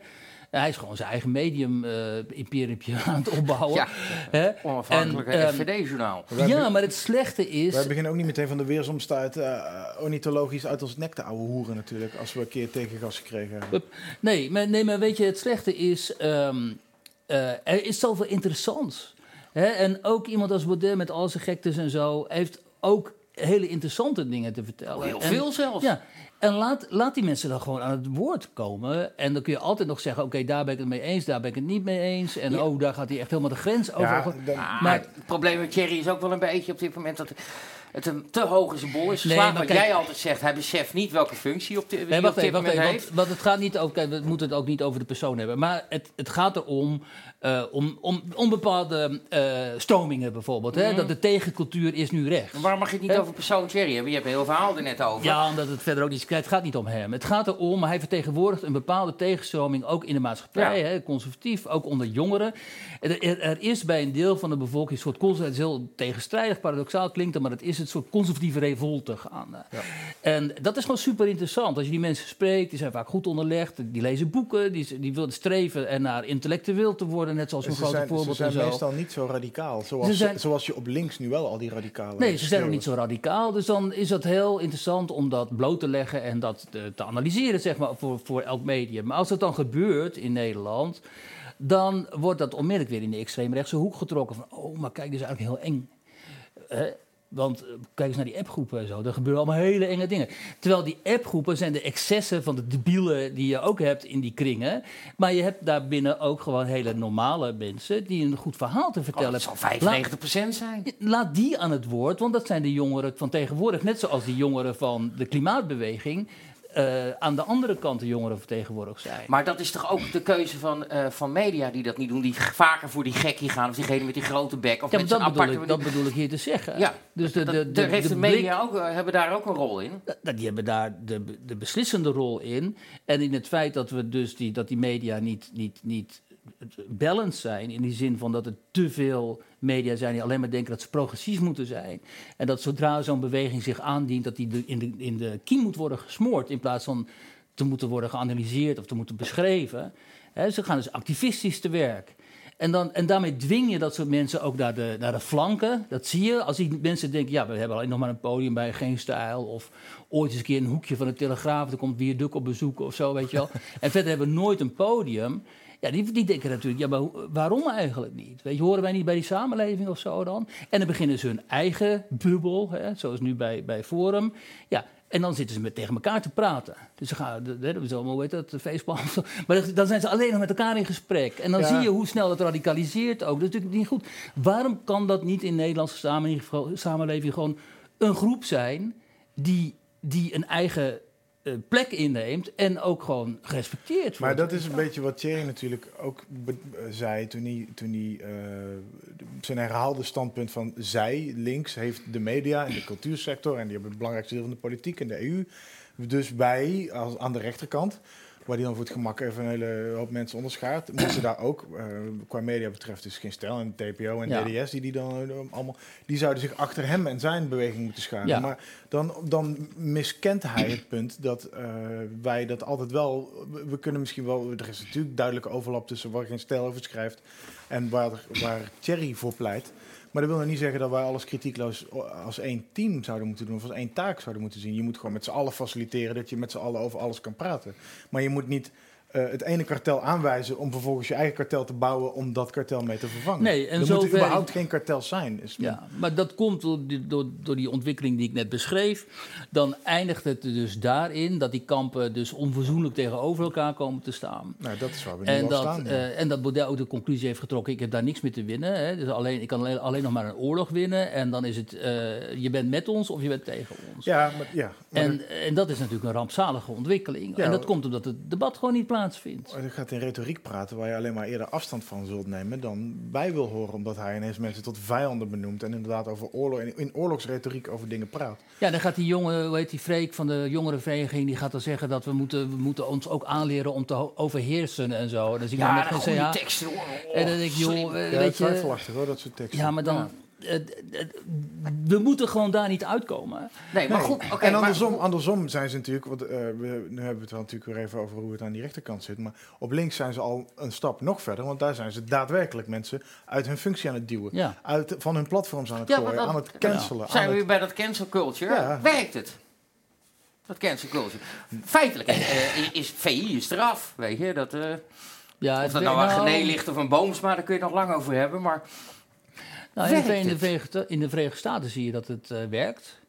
Alleen heb je daar dus eh, Trump, die eh, in die reden bij, Mount Rushmore was dat, hè?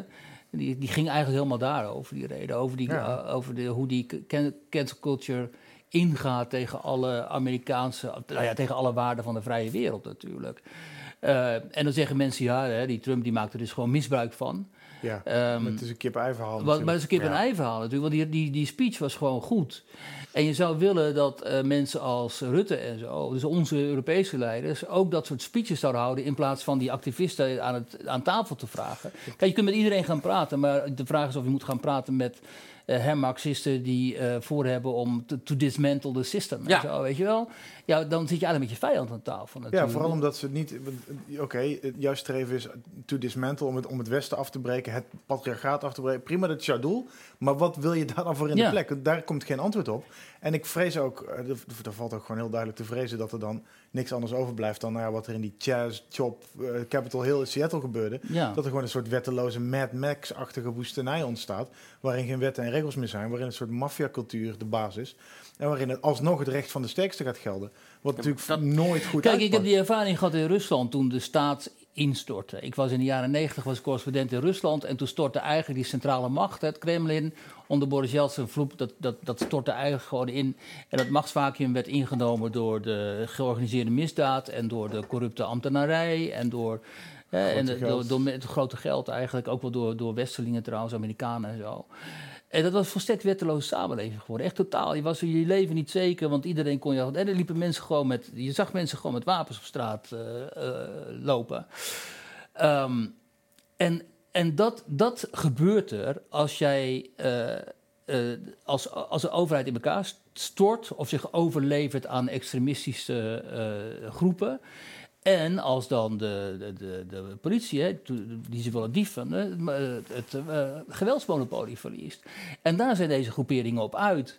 Ehm, omdat zij de- die, die floreren kennelijk in die chaos. Althans, die denken te floreren dat uit Ja, die chaos dat een iets nieuws utopie ontstaat. daaruit gaat Ja. ontstaan. Die gaat richting anarchie of zo. Ze denken, Ja, dat, dat ze een soort, ze ja. denken dat ze een soort gelijkheid, eh, dat er een gelijkheid uit de assen opstaat, een gelijkheidssamenleving of zo, die ze nu menen te missen. Dat ze zich onderdrukt en achtergesteld voelen. En het moment dat ze, degene wiens schuld het is, meestal de blanke man, dat als je die eenmaal uit zijn zadel duwt en liefst ook nog doodknuppelt, dat er dan daar uit de, uit de assen daarvan Nou, jouw eigen.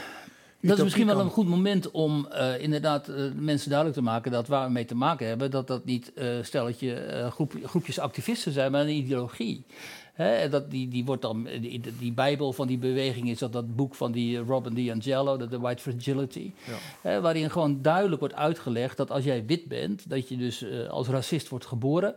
Hè, dat je Ja. een witte privilege hebt, eh, dat je je achteraan moet sluiten in de rij, dat het ook onwenselijk is als eh, witte, blanke mensen zich vermengen met gekleurde mensen en zo. Dus de vermenging van, van, van bloed, ja, dat is gewoon puur, dat is een Nurembergse rassenwet. het is puur is dat, ja. Is puur na- nationaal-socialistische de rat- rassenwetten. En dat is een bestseller. Hè? En dan in de, dat staat op één in de Amerikaanse bestsellerlijsten. En al die, al, die, al die websites en al die activisten die zeggen dat die vinden dat jij je moet educaten, dat je dus jezelf moet onderwijzen in dit denken. Bij hen is dit boek witte- altijd hun. Bijbel. Dat is hun Bijbel. En als je dat dan leest, dan denk je, ja maar hallo, dit is, dit is, dit is erg, dit is gewoon mijn kamp, maar dan van, van deze beweging. Ehm, dus het enige wat we moeten doen als vrije democraten, zeg maar, laten we ons zo maar noemen, die graag voor een pluriforme democratische samenleving waarin de vrijheid van meningsuiting heerst, opkomen, dat is dit verwerpen. En dit bestrijden ook. En, ehm, en niet zoals Rutte dan met mensen die zeggen vanuit de Black Lives Matter eh, eh, denkend eh, te handelen. aan tafel te gaan zitten. Je mag wel met ze praten. Maar je moet ze natuurlijk niet Ja, in die nou- setting, zeg maar, dat podium bieden, vind ik dan. Omdat- Rutte, de Rutte is een goed voorbeeld, omdat hij natuurlijk, die, die nodigde Black Lives Matter uit en die schoof in diezelfde dag ongeveer, in hetzelfde Mhm. etmaal, schoof hij zijn Zwarte Piet is nou eenmaal zwart standpunt Ja. iets, toch iets op naar, ik kan me voorstellen dat mensen daar aanstoot aan nemen. Ja. Wat zei hij nou precies? Ja, Misschien, ik heb het mensen Hij ging in ieder Het is, het is, het waardeloos, want mensen voelen zich gekwetst, maar het is geen racisme. En dat is een onhoudbaar standpunt. Want mensen voelen zich gekwetst omdat ze denken dat het racisme is. Ja. Dus dan kun je niet zeggen, ja, maar het Je is geen niet- racisme. Maar voor die mensen is het wel racisme. Dus dat was alweer zo'n paradox dat, die niet dat, is, houdbaar is. dat is een handreiking inderdaad, waarvan je weet dat, het- dat die, ja, die zit op een zeephelling. Dat gaat Ja. naar de volgende. Dus Ja. daarmee, daarmee hebben ze inderdaad al het punt En bovendien ging hij heel snel, hè, die, die, die Jerry Afri van Kick-Out Zwarte Piet, die voelde zich gepasseerd. Want die denkt natuurlijk, ik ben hier Die denkt dat hij de leider van die club ja, is. Ik ben hier de baas van de club Die en die een niet komen. Dus die gewoon, ging klagen. En toen zei Rutte, Rutte, eh, toen zei Rutte onmiddellijk, oké, nou dan kom jij volgende keer ook.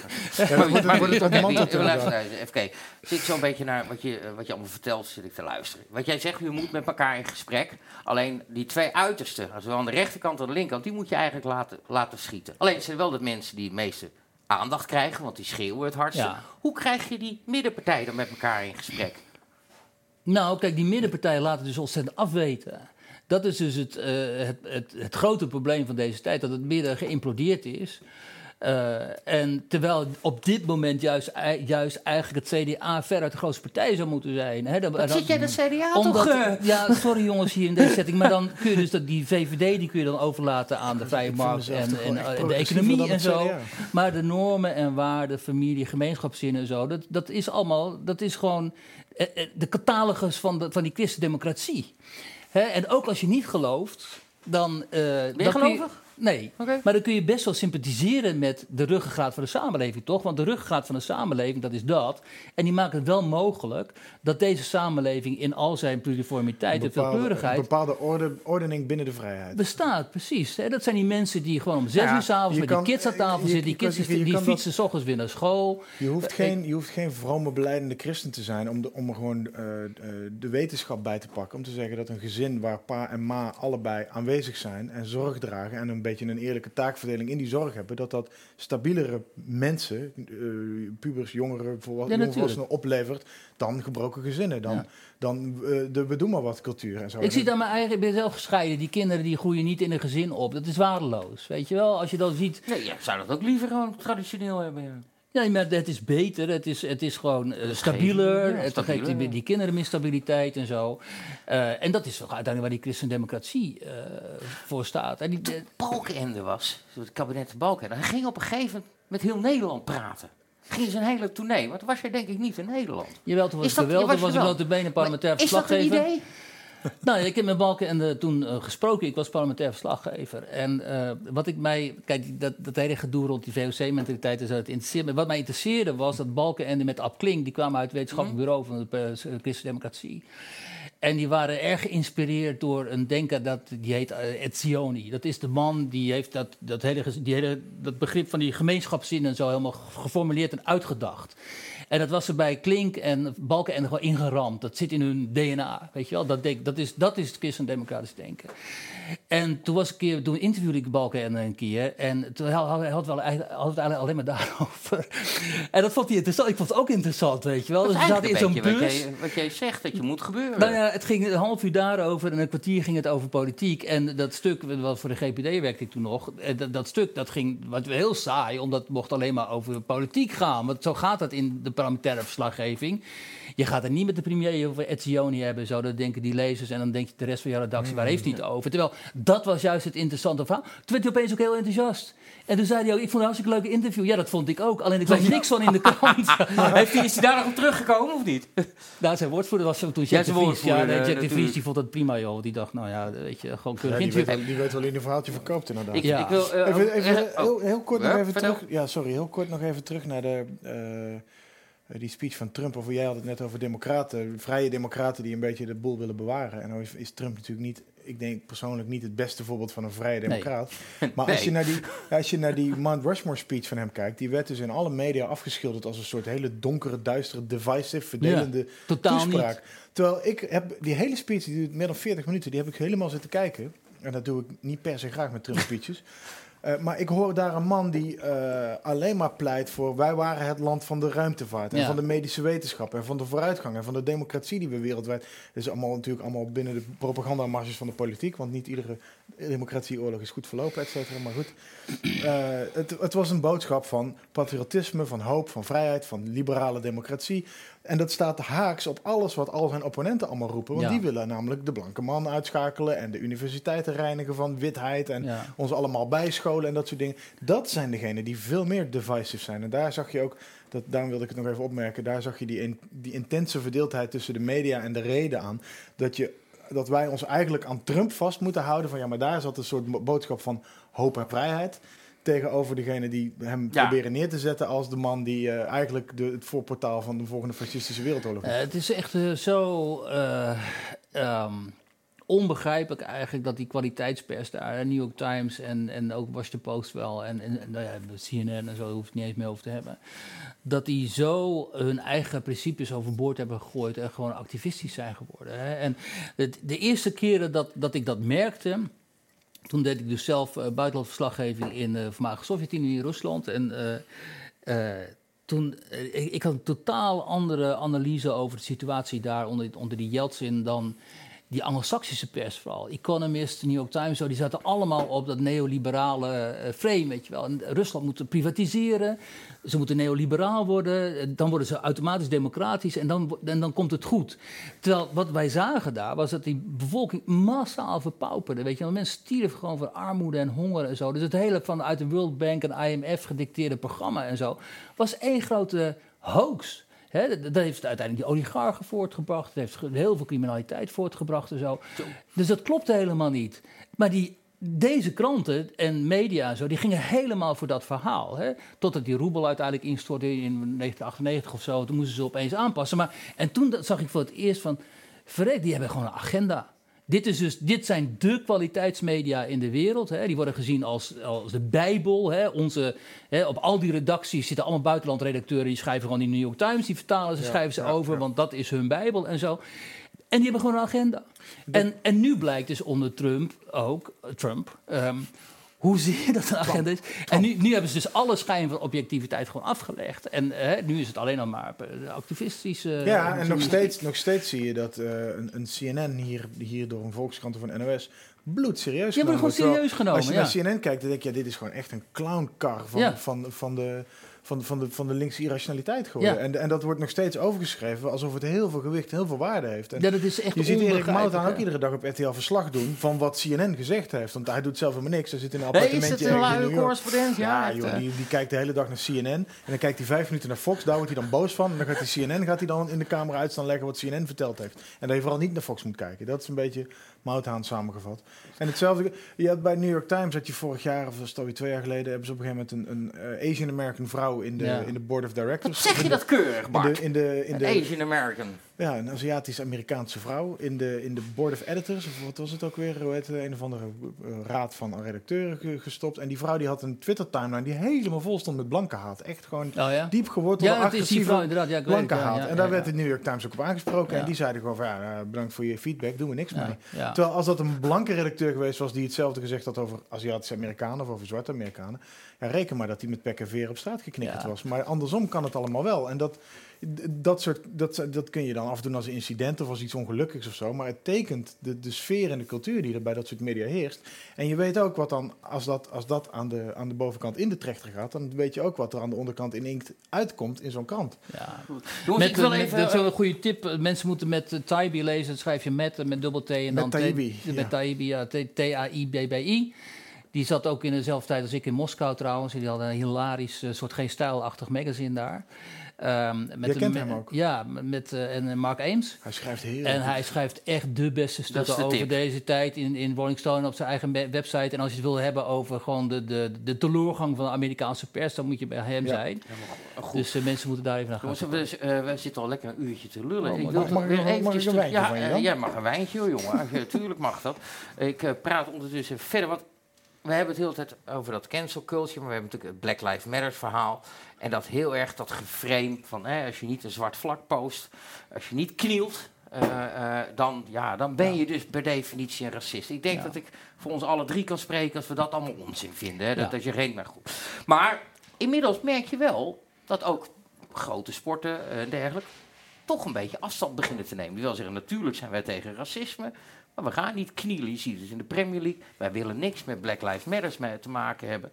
En je zag, de, je zag het bij de Formule 1, zag je het, eh, zag je het ook. eh, eh, onze eigen Max Verstappen, die niet ging, knie- ging knielen. Ondanks dat Hamilton het wel van hem vroeg. En Hamilton die hem dus gelijk voor racist uitmaakt eigenlijk. Nee, je, krijgt, je ziet dan op internationale schaal een beetje wat je ook zag na Bamsma bij... eh, oh, hier hebben we de foto Ja. in beeld inderdaad. Oh ja.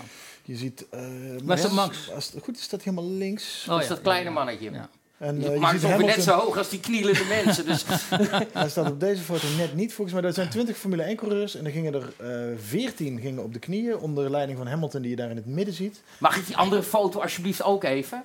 En eh, eh, Hamilton had op voorhand gezegd, de Hamilton, de wereldkampioen, had op voorhand gezegd: eh, alle coureurs moeten met mij knielen op de start-finishlijn en zo niet, dan ben je een racist. En het duurde even, maar de eerste die op zijn Twitter-account zei: eh, Ja, ik ben natuurlijk ook tegen racisme en die strijd moeten we voeren, maar ik ga niet knielen, want ik kies mijn eigen symboliek was Ja. eh, Leclerc. Charles Leclerc, de grootste concurrent van Max Verstappen. En kort daarna twitterde Max Verstappen een vergelijkbare boodschap van... nou, ik ga ook niet knielen. En het was, eh, enerzijds zag het er een beetje droevig uit... want, want Hamilton is natuurlijk een hele, hele welvarende, entitled, eh geprivilegeerde zwarte jonge man geweest... die alle kansen heeft gehad om vanuit de kartwereld, door de sportwereld... de snelste man ter wereld te worden. Als je de Formule 1 diverser wil maken, laat dan eens een keer een blanke winnen. zou zes zeggen. keer achter elkaar, joh. Inderdaad. Ja, zes keer achter elkaar wereldkampioen. Dus als je daar diversiteit wil, wordt het nu weer tijd voor een witte winnaar. Maar doordat er een paar bleven staan, liet je dus ook zien dat knielen niet hoeft. En dat vond ik eigenlijk, want Hamilton eiste dat eigenlijk van al zijn medecoureurs. En er waren er toch zes van de twintig, best een significant aantal. Die zeiden, percentage. hij doet niet. Ja. En dat was eigenlijk, Hamilton dacht daar gewoon een heel groot eh, gebaar te kunnen maken. En wat ik vooral zag, waren die zes die bleven staan. En Ja, tuurlijk, gelukkig, op deze wereldschaal zijn er nog een paar niet zo hypocriet om op hun knieën te gaan. Want Hamilton die heeft in dezelfde week een contractverlenging voor 40 miljoen dollar gevraagd. Dus zo eh achtergesteld is die jongen niet. En, en die anderen laten ondertussen zien, ja, ook al vragen ze het van je, zelfs als ze beweren dat als je het niet doet, dat je dan een racist bent, dan nog kun je gewoon zelf kiezen, nee, ik blijf staan om deze reden. Nee, ik ben is- echt wel tegen racisme, maar ik ga niet... Nee, maar het is prima dat je gaat knielen. Als dat jouw manier van protest eh, is, lekker doen joh. Ga het lekker wordt wel problematisch als je dat van anderen gaat eisen. natuurlijk. Dat is het probleem. En dat is met eh, eh, heel die discussie al eeuwen het probleem dat in je hoek douwen van, van dat je racist bent als je niet dat beaamt wat ze zeggen. Natuurlijk ben ik tegen racisme. Dat ben jij ook en dat ben jij ook. Een week, eerder, een, week eerder, een week eerder zag je gelukkig in Engeland, waar die Black Lives Matter eh housen, die vanuit Amerika naar Europa waaiden, die was in Engeland natuurlijk iets heftiger nog dan bij ons, want dat is altijd, Engeland en Amerika liggen iets dichter bij elkaar dan wij en Amerika. Mhm. En dat de eh, spelers in de Premier League, Football League, Premier League, dat die allemaal met Black Lives Matter op hun shirt speelden. Totdat een paar zwarte voetballers in de Premier League, volgens mij... Ja, laat die tweets maar even zien, jongens. Dat die zeiden van ja, sorry, wij, wij, natuurlijk zijn wij als zwarte spelers ook heel erg voor eh, Black Lives. Maar wij zijn niet voor eh, die organisatie die zich zo noemt. En dat, daar zit natuurlijk ook een beetje een inherent probleem in dat hele Black Lives Matter. Dat ze noemen zich zo, zodat je al niet meer tegen het principe kan zijn. Ze heten Black Lives Matter, dus je kan niet tegen Black Lives Matter. Als je tegen die organisatie bent, ben je dus kennelijk ook tegen zwarte levens. Mooi hè, dat die hen hier gewoon opneemt voor kapitalisme. Echt, Ja, eh, ook- ook ja, gewoon ja. keihard. Ja, maar hij zegt het gewoon precies wat op staat. Hè. Ze zijn eh, divisive en eh, ze splijten de samenleving. En dat is natuurlijk ook zo. En het, het, nare is dat ehm, eh, onze powers that be in Nederland altijd zo ontzettend snel op hun rug gaan, gaan liggen. Hè? En het, het ironische hieraan is dat eh, James Kennedy, die, die Amerikaans-Nederlands historicus, zeg maar, die, die Nederlandse geschiedenis goed kent. En die kent ook heel goed die, die, die geschiedenis van die Nederlanders daar in Michigan en zo. En die is naar Nederland gekomen en heeft ook besloten onlangs in de kanon dat eh vadertje Drees daar geen deel meer van uitmaakt. Ehm, die heeft beschreven in Nieuw Babylon, een aantal, in eh, Aanbouw bekend boek, hoe de Nederlandse elites eigenlijk ontzettend geneigd zijn om heel snel toe te geven aan de eisen van. Of nee, niet heel snel, maar na een tijdje toe te geven aan de eisen van radicale minderheden. En dan vervolgens ook volledig. Dus dan leveren ze zich volledig eigenlijk over aan die. En dan ontstaat er een nieuw soort eh, consensus. En het ironische is dat. ehm, Precies dat is wat hij nu doet als eh, dean van de University College in Utrecht. Hè. Ze hebben zo'n heel pathetisch manifest heeft hij geschreven, waarin, eh, hebben we dat of zo, waaruit Nee, nee, nee, maar het kleine nieuws is wel dat we een, een, een slavernijmonument krijgen in Oh, Utrecht. nou, kijk aan.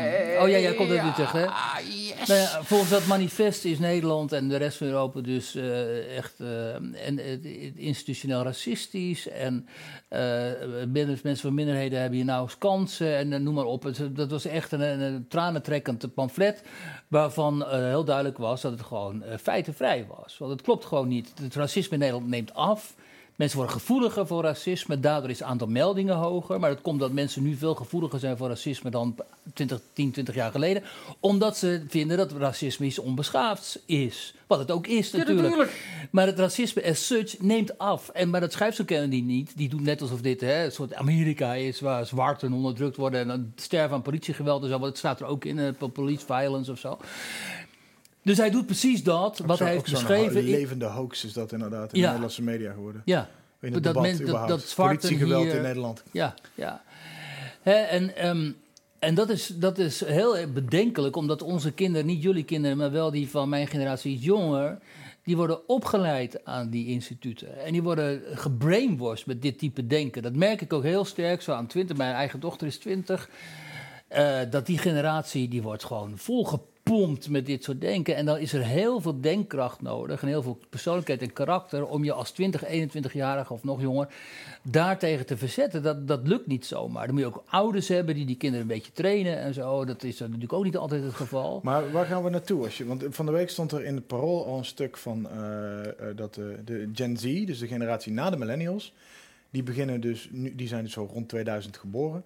Die beginnen nu de millennials aan te vallen, want die zeggen ja, jullie maken je alleen maar druk over je avocado, Ja. avocado op je, op je broodje. Ja. Maar er zijn belangrijkere dingen zoals eh, racisme en Black Lives Matter en het klimaat.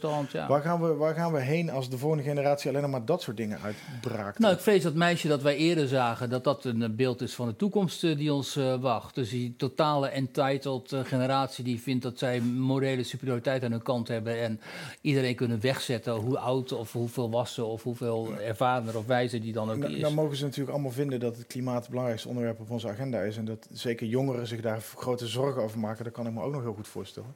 Maar er moet nog ergens wel een soort reden ingepompt worden. Van je kan niet alleen maar roepen dat we eh, alle auto's af moeten schaffen. Of dat alle boeren weg moeten. Of dat, Nou, je zal ook met een oplossing moeten komen. nou ja, en, en je zal moeten eten uiteindelijk. Of Ja. je moet verplaatsen. Of je, je moet de vrijheid en de democratie bewaken. In, in verhouding tot hoe je bepaalde klimaatproblemen gaat tackelen. En wat deze mensen, of in ieder geval de, de luidste stemmen onder deze eh, jongeren vaak roepen, is. Nou ja, schaf gewoon alle boomers af. Alle Gerda's de deur uit en alle Karens eh, afmaken. En dan, eh, dan, dan is het probleem opgelost. Ja, of je mag hopen. Ik sprak laatst iemand voor de krant en die zei van.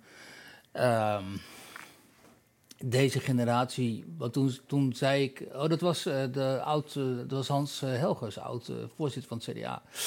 Die besloot om nog één keer iets te zeggen, omdat hij zich zorgen maakte over deze tijd. En toen zei ik tegen hem, eh, want hij heeft ook heel genuanceerd standpunt over dat racisme en zo. En toen zei ik tegen hem, ja, alles goed en wel, je kunt een redelijk standpunt hebben, maar die generatie die er nu aankomt, die krijgt ooit de macht en dan krijg je die hele extreme radicale standpunten, nemen ze mee in, naar hun posities. En toen zei hij, ach joh, ehm, dat zijn allemaal eh, dus kwatjes die of ze redden het niet, dus ze kunnen niet aan. Of ze veranderen als ze ouder worden van mening en ze worden redelijker. En ze gaan meer naar, richting het centrum. En ze begrijpen dat je met dat soort type radicalisme geen... Maar als, je, geen, als, de, ehm, als de basis die gelijk hè, de- uit, uit mijn generatie zijn ook vrij radicale, nog, nog radicale politici, radicaal op links of radicaal op rechts. Maar die hadden als basis wel gewoon een normaal geschiedenisboek. En, niet een, een- en dat zullen de huidige generatie zal dat een vertekend geschiedenisboek ja. noemen. Ja, die vinden dit dan weer maar normaal, een ja. rationeler, een wat rationeler afgewogener verhaal dan dat je nu lijkt te krijgen. Want als zo'n boek als dat van die D'Angelo inderdaad een bestseller is, waarin gewoon geschreven wordt dat witte mensen inherent slecht zijn en achter in de bus moeten gaan zitten. Als dat je, je uitgangspunt is, dan is het ook moeilijker. ook als je nou ja, ouder wordt om daarvan te genezen. Als Kijk, je jonge leeftijd daarmee wordt... Je hebt sowieso natuurlijk sinds internet en eh, social media en zo al nou, eh, heel veel eh, geen gedeelde ervaringen meer. Dus iedere bubbel heeft zijn eigen ervaringen en, en, en, en rela- relateert zichzelf aan, de, aan, aan die ervaringen. En dan krijg je ook nog eens een keer dat die ervaringen, zoals jij zegt, gebaseerd kunnen zijn op feitenvrije geschiedschrijving of gewoon feitenvrije sociologie of feitenvrije rassenleer.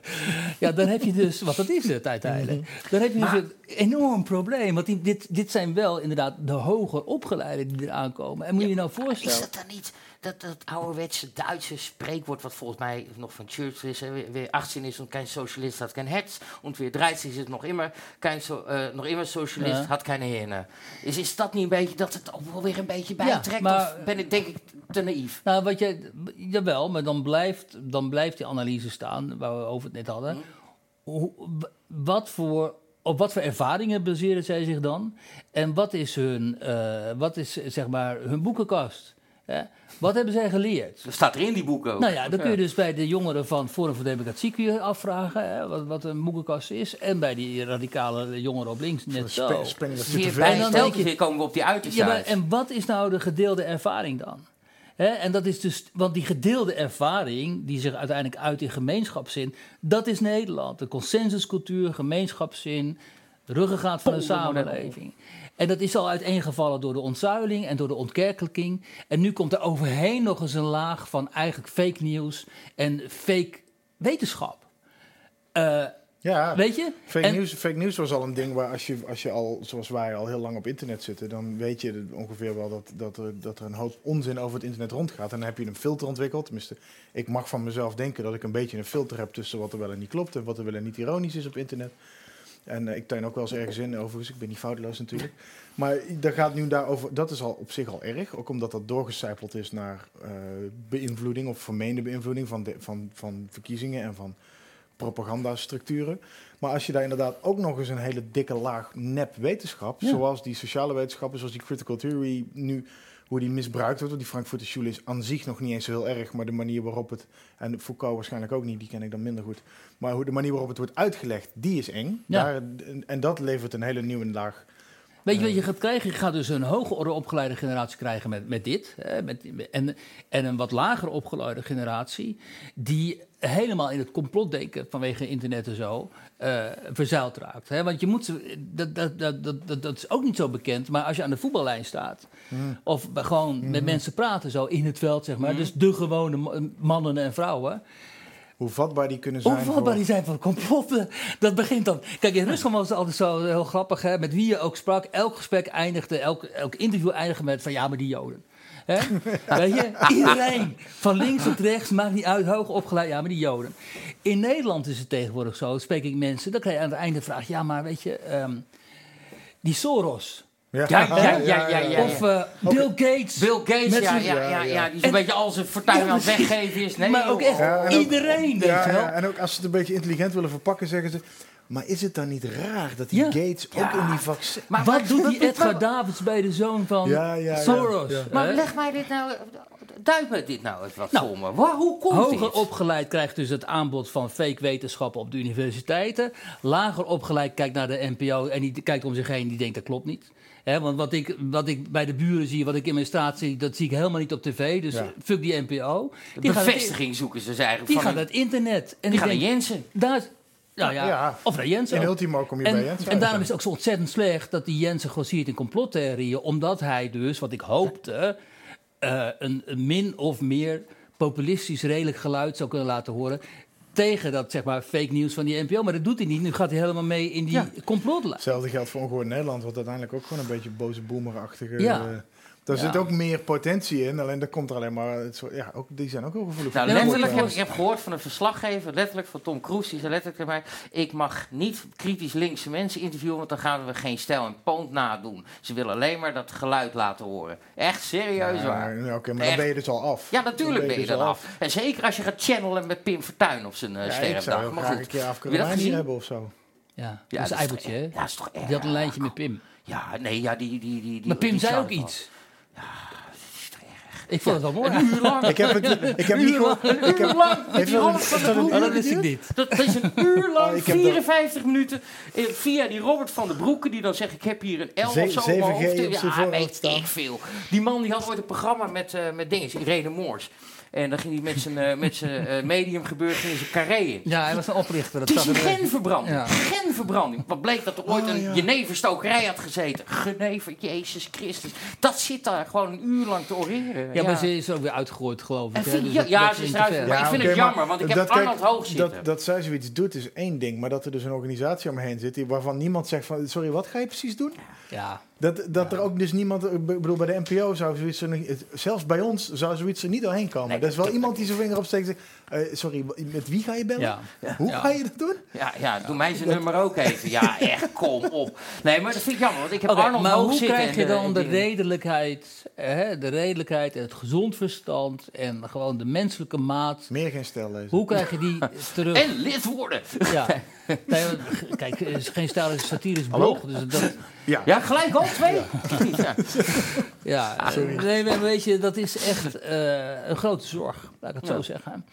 Ehm, daarom moet je ergens hopen dat Pieter Omtzigt eigenlijk die baas Ja, nee, nee, CDA nee, is. zijn Dat weer wilde bij ik- het dat CDA. wil- nee, Ja. dat wil ik, de- nee, serieus. Even serieus nog. Dat wilde ik vragen inderdaad, want je noemt het CDA nu een paar keer. En wij hadden aan het begin van de uitzending proberen we altijd even het nieuws van de dag te doen. Nou, er was niet zoveel nieuws vandaag.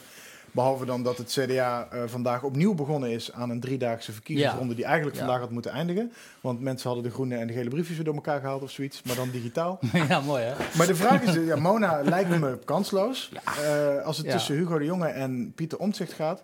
eh, nou ja, je mag ook Mona zeggen als je die het liefst zou willen. Maar ik denk dat jij, je suggereert net al dat je eigenlijk Omtzigt wil zien winnen. Ja, natuurlijk. Want als je omzicht. ehm, ehm, kijk, al die mensen waarover ik het net had. En die dreigen eh, af te glijden ook naar complottheorieën. Omdat zij vinden dat en de media, maar vooral ook de politiek. Ook vooral de politiek in de persoon van mensen als Hugo de Jonge.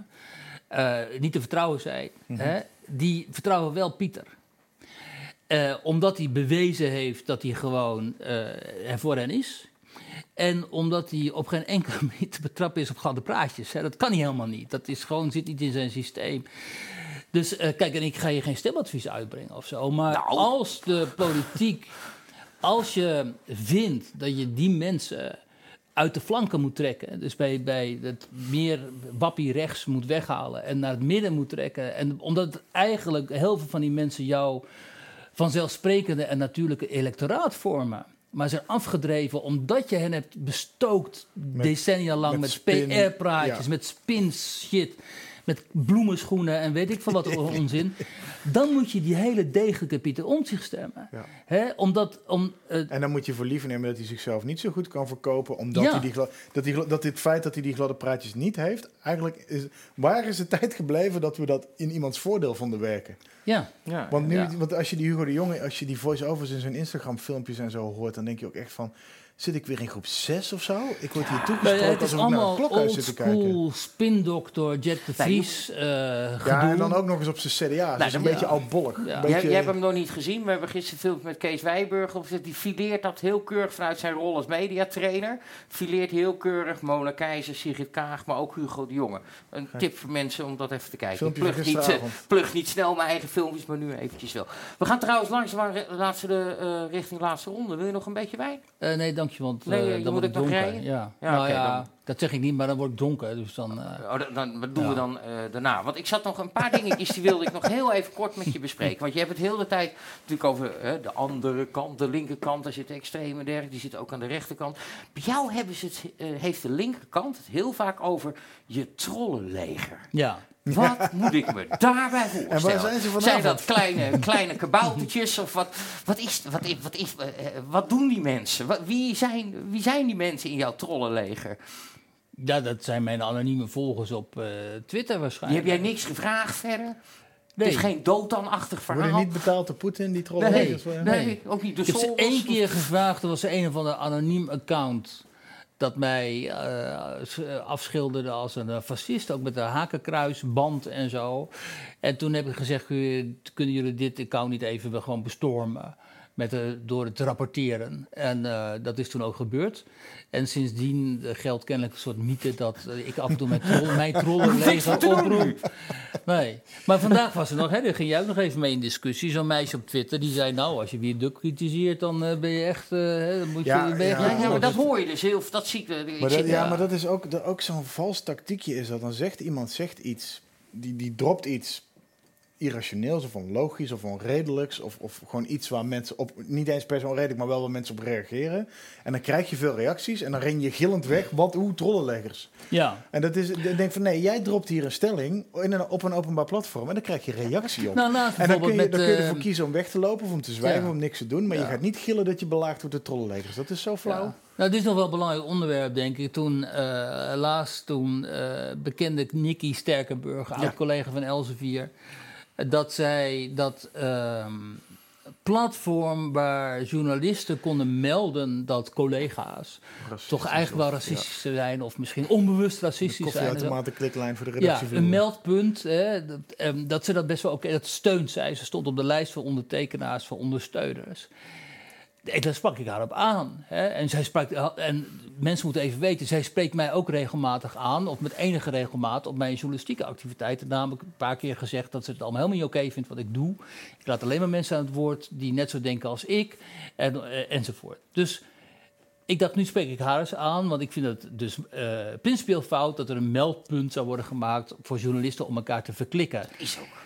Nou, binnen de kortste keren was Nicky van Twitter verdwenen, Ja, ja. want ze werd overspoeld door mijn trollen kennelijk. Maar dat ga je nee, toch niet het- lezen? Het, interessa- het, het interessante daarvan was, zij had natuurlijk daarvoor getekend en een paar anderen ook, Rianne Meijer en uh, Ja, nou goed, er stonden van te 300 kijken, namen ja. onder. Of, ja, Rianne Kim, die- Kim van Keken of Nee, die stond er niet oh, op. die stond, Nee, die stond nee, er niet op. Oh, sorry. die, sorry, Kim. ja, Ja. nee, dat we dat niet verkeerd Oh hebben. god, nee hoor. Heel Maar die, dat weer. eh, en ik noem Rianne inderdaad ook, omdat ik het van haar ook niet verwacht had. Er staan een hoop namen op dat je denkt, ja, usual suspect. Ik bedoel, als je daar op een Leo vuistje ziet staan, of, Leo Lucas, die Laat niet maar eens in de raden. media werkt. Die, die, die die gozer met zijn tattoos, Erik eh, Korst... ehm, Nee, nee, Oh. eh, nee. Die Erik Oh. Corton heb ik er niet op Oh, Er waren ook mensen klagen dat ze niet gevraagd waren. Dus, Al eh, dit Hunkar. Lara Renze. Ja, nou, ja, die stond ja, erop. Ja, die ja. stond erop. Maar in ieder geval, Van Nicky, bovenaan. Nicky was een van de namen op die lijst. En zij werd door een aantal mensen aangesproken. Waaronder door jou, maar ook door mij. En ook door een paar anderen die, waar zij goed mee is. Ik ken haar ook. Ik, ben, ik mag haar graag. Ik vond het ook niet leuk dat ze van Twitter wegging, et cetera. Maar ik vroeg, ik vroeg me gewoon af, waarom ga je zo'n steunen? Ja. En dat andere mensen die haar mogen, die haar kennen, die deden dat ook. Ik heb gezocht op haar mentions. Dat viel echt heel erg Ja, mee. Ja. En zij zei, ik moet nog meer doen. Ik heb nu 20 plus mentions per minuut. Ik moet nog meer doen, ik ga weg. En toen, dat was het enige wat ze zei. Dus ze zei niet dat ze belaagd werd. Ze zei niet dat ze Nee. werd uitgescholden. Ze zei gewoon te druk. ze, nee, ze ging weg en ze zette ook haar Twitter-account uit. Ik denk, mijn Ja, persoonlijke jongens. eh, theorie is dat ze dat account uitgezet heeft... omdat ze niet verwacht had dat ze kritiek zou krijgen van mensen die ze goed kent... en die haar nastaan, die, haar, die ze mag, wederzijds. En eh, wat er vervolgens door Twitter en anderen van gemaakt werd... was dat ze van Twitter was weggepest. Door En van wie En dat is nooit gebeurd. Dat laatste is gewoon nooit gebeurd. Nee, en maar dat werd er wel heel snel van gemaakt. En ik ging op een gegeven moment zoeken naar die mentions van haar. Nou, ik moest Veel meer, meters lang Ja. scrollen tussen alle bijval die ze kreeg... voordat ik de eerste negatieve... maar- maar dat- heb je je 57 al binnen tweet zag. Bartje, toen ik weer kwam werken, dan ging ze het eerste wat mij geleerd werd, niet de comments lezen. Dat doen we allemaal. Ik heb even op Twitter gezeten. Ik vond het, eh, het ook niet interessant, maar die hele mensen, als je dan, als jij 300 mensen krijgt, lees ze lekker niet. Of ben ik nou te simpel? Nee, dat is heel verstandig. Nou ja, vooral. of lees ze wel een blok. Kijk, als je al de- Blok? zo Ja, ja, van een blok ze dan Ik allemaal. Vriend, ik zij denk dat ik- veeg je ik reet denk, ermee ik af. denk Kan dat ik dit wel mag zeggen tegen Wiert, want ik ben zelf ook een enorme Twitter-verslaafde. Ja. Wiens verslaving wel eens met hem op de loop gaat. op sommige momenten. Maar Wiert heeft ook zo'n periode gehad. Ja. En jij hapte op alles. Ja. Nou, jij Echt? kan dat ook goed, ja. Nou, ik, hap, ik heb al lang afgeleerd. Als Ja? iemand mij scheef aankijkt, krijg ik gewoon een blok. Dat is misschien ook een beetje flauw en kinderachtig. Maar dat helpt wel mijzelf. Als je zoveel volgers hebt. eh, als je wat wil melden en je, hebt een, je wil een punt maken, prima. Gaan we Nee. discussie aan. En zeker als je niet anoniem bent, wil ik best gesprek met je aangaan. Ook als ik het niet mee eens ben. Als je normaal praat. Tuurlijk, maar dat is het. Eh, maar Wiert heeft ook een tijdje gehad dat hij op alles hapte. En ook vooral de discussie probeerde aan te gaan met mensen waarvan je van één tweet af al weet. Hij noemt je een nazi Wiert. Waarom? Why even try? En je hebt een tijdje gehad dat je echt een beetje dat konijnenhol inging. En daar ben je Doe je dat wel niet weer- meer? Ik, wil, ik durfde niet Nou, te zeggen, kijk, omdat toen je ik bent er wel daarmee begon, toen dacht ik van ja, ho, weet je, als die mensen... eh, ehm, toen, toen maakte ik me nog druk over mijn reputatie, zeg maar. Ja? Ik dacht Je van- imago? Mijn imago, dat Ja. is het. Ik dacht van, wow, als zoveel mensen gaan zeggen dat ik een racist en een nazi ben... Oh, zometeen gaan mensen dat nog geloven. Dus toen ging ik met hun in, in debat, zoals eh, Bart nu zegt. Ga je het zelf geloven? dat nog net niet. ik heb er even over gedacht, toen Maar toch maar niet. Je wordt daar wel En- heel zuur van als, Ja, je, en- als je dat doet. Precies, In het en- algemeen, niet jij specifiek, maar iedereen die, dat, die zich daarin begeeft, die, die gooit zichzelf in een vat zuur. Maar je ziet, het is, een, eh, het, het is een natuurlijke weg die mensen gaan op die vreselijke sociale media. Je ziet dus, hè, je ziet ook bij zo'n Eileen Bilic en anderen en zo, die dan zich gaan ook mengen in het debat. En dan worden ze aangevallen en dan gaan ze zich verdedigen. En dan zie je ellenlange discussies waar ik me destijds ook schuldig aan maakte en zo. Waar- Waarvan ik nu denk van waarom deed ik dat in vredesnaam, maar dat doe ik nu ook nooit meer. Hè, en, en mensen als Dijkgraaf en Bart en zo, die zeiden destijds ook, joh, kap of Brussen, doe niet. Hè. Ik bedoel, iemand van Bert Bru- als Br- Brussen is er afgegaan van dat Twitter. Maar die zeiden toen al, doe Nee, dat doe dat dan. Facebook, Ja, ja. dat zit altijd mensen op Facebook. Ja, al drie Dus, jaar. eh, dus- precies. Maar, eh, dus alle mensen die zich nog gaan mengen in het publieke debat en die dezelfde weg willen gaan als, eh, als wij hier, die, die raad ik nu aan. Begin er niet aan, want dan Nee. heb je inderdaad niks op, alleen maar ergernis en tijd en energieverlies. We gaan afronden, Wiert. Dankjewel dat je er Ik was. heb, ik nog, het- ik heb nog, toch nog, dit doet me nog aan één vraag denken. Zou jij jezelf nou links of rechts noemen? Of, of geen van beide, kan ook. Eh, eh, Ik heb het idee dat je namelijk een soort van oude linkse hond bent uit de, uit de jaren 80. Punk Nou, scene. ik ben iemand, heel erg iemand die, eh, die gevormd is door dat oude Nederland, wat zich ehm, manifesteerde in die, in die oude sociaaldemocratie, denk ik. Ja. Maar ja, uit een christelijk gezin. Dus bij ons was altijd sympathie ook voor het CDA. Daar is hij Al- weer. Ja, als Geen het, als maar niet die, die machtspartij werd. Hè. Zo, zodra het die machtspartij. Dan werd, lag bij ons ja. thuis ook weg ermee. Maar die, die oude, die, die gewoon die sociaal-democratisch-christelijke beginselen eigenlijk.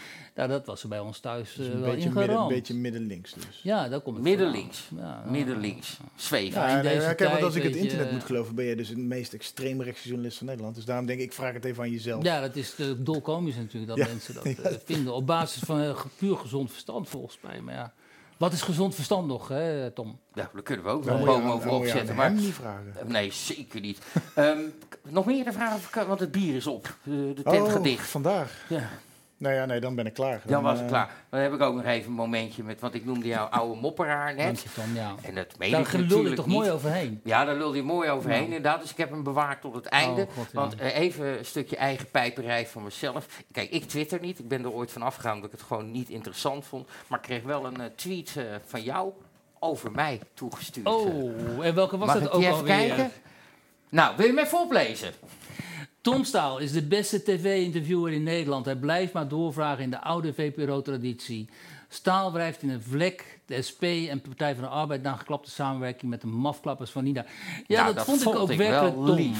Ja, dat vond ik ook echt. eh, ja, dat vond ik. eh, dat, de, ja, die heb ik echt uitgeprint, hangt boven mijn bed. Fijn. Komt helemaal goed. Leuk dat je er was. We, gaan, we eindigen altijd met een typisch muziekje. Ze hebben nu, eh, ja, ik, ik, als je het niet herkent, dan, eh, dan, heb je, niet echt in Duitsland gewoond. Dan moet je echt weer gauw terug. Brood. Met? Met Nina Hagen. Juist. Waar die nog even op wordt mee getrouwd is. En wat staat hier? Daar staat eh, uh, Slova ni vorabe vuletit ni panimais. En wat betekent het? Oh, dat... Uh, we hebben het gewoon maar Het woord niet ik weet, kun je dan achterhalen. Ik weet het niet eens Ik, wat ik er kan staat, het joh. opzoeken voor je. Wat staat er? We gaan het even opzoeken hoor. Even- Hey, zullen we dat na de uitzending doen? Nou nee, want ik heb hem hier klaarstaan. Waar is, eh, waar is die arbeider? Richard. Dan begrijp je het niet. Als het woord niet met je aan de haal gaat, dan begrijp je het niet of zo. Oh, staat geen vertaling bij. Maar je mag hem hebben. We geven altijd een shirt en een trui trui. Dankjewel. Leuk dat je was, man. Dankjewel. En ehm, hebben we alles muziek gedaan? Eh, ik ga op vakantie en ik ga met dit kastje oefenen. Want hiermee doen we de instartjes, Bart. Ik ga gewoon een week lang met knopjes oefenen eh, in een Als je strandhuis filmpje in 2 Zeeland. wil starten, moet je op knopje 2 Ja, je hebt helemaal gelijk. Die Bart, ik ga, dat, dat, dat, dat- in een week moet me dat lukken. Jij bent er volgende week weer bij. En volgende week, dan hebben we de ex van eh Wiert. Hele lieve vrouw, je kent haar als presentator samen met Jeroen Pauw op, eh, van Op 1. En ze gaat samen met Renze Klamer de Wereld Draait Door. Nee, een nieuwe Wereld Draait Door presenteren. Volgende week Chips Nootjes hier om 9 uur met Fido Ekis. Doei!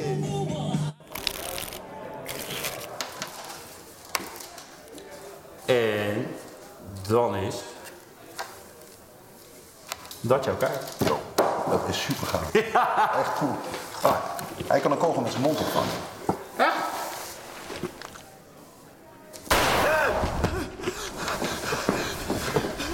Ja, maar je moet hem wel op zijn mond schieten. Ah.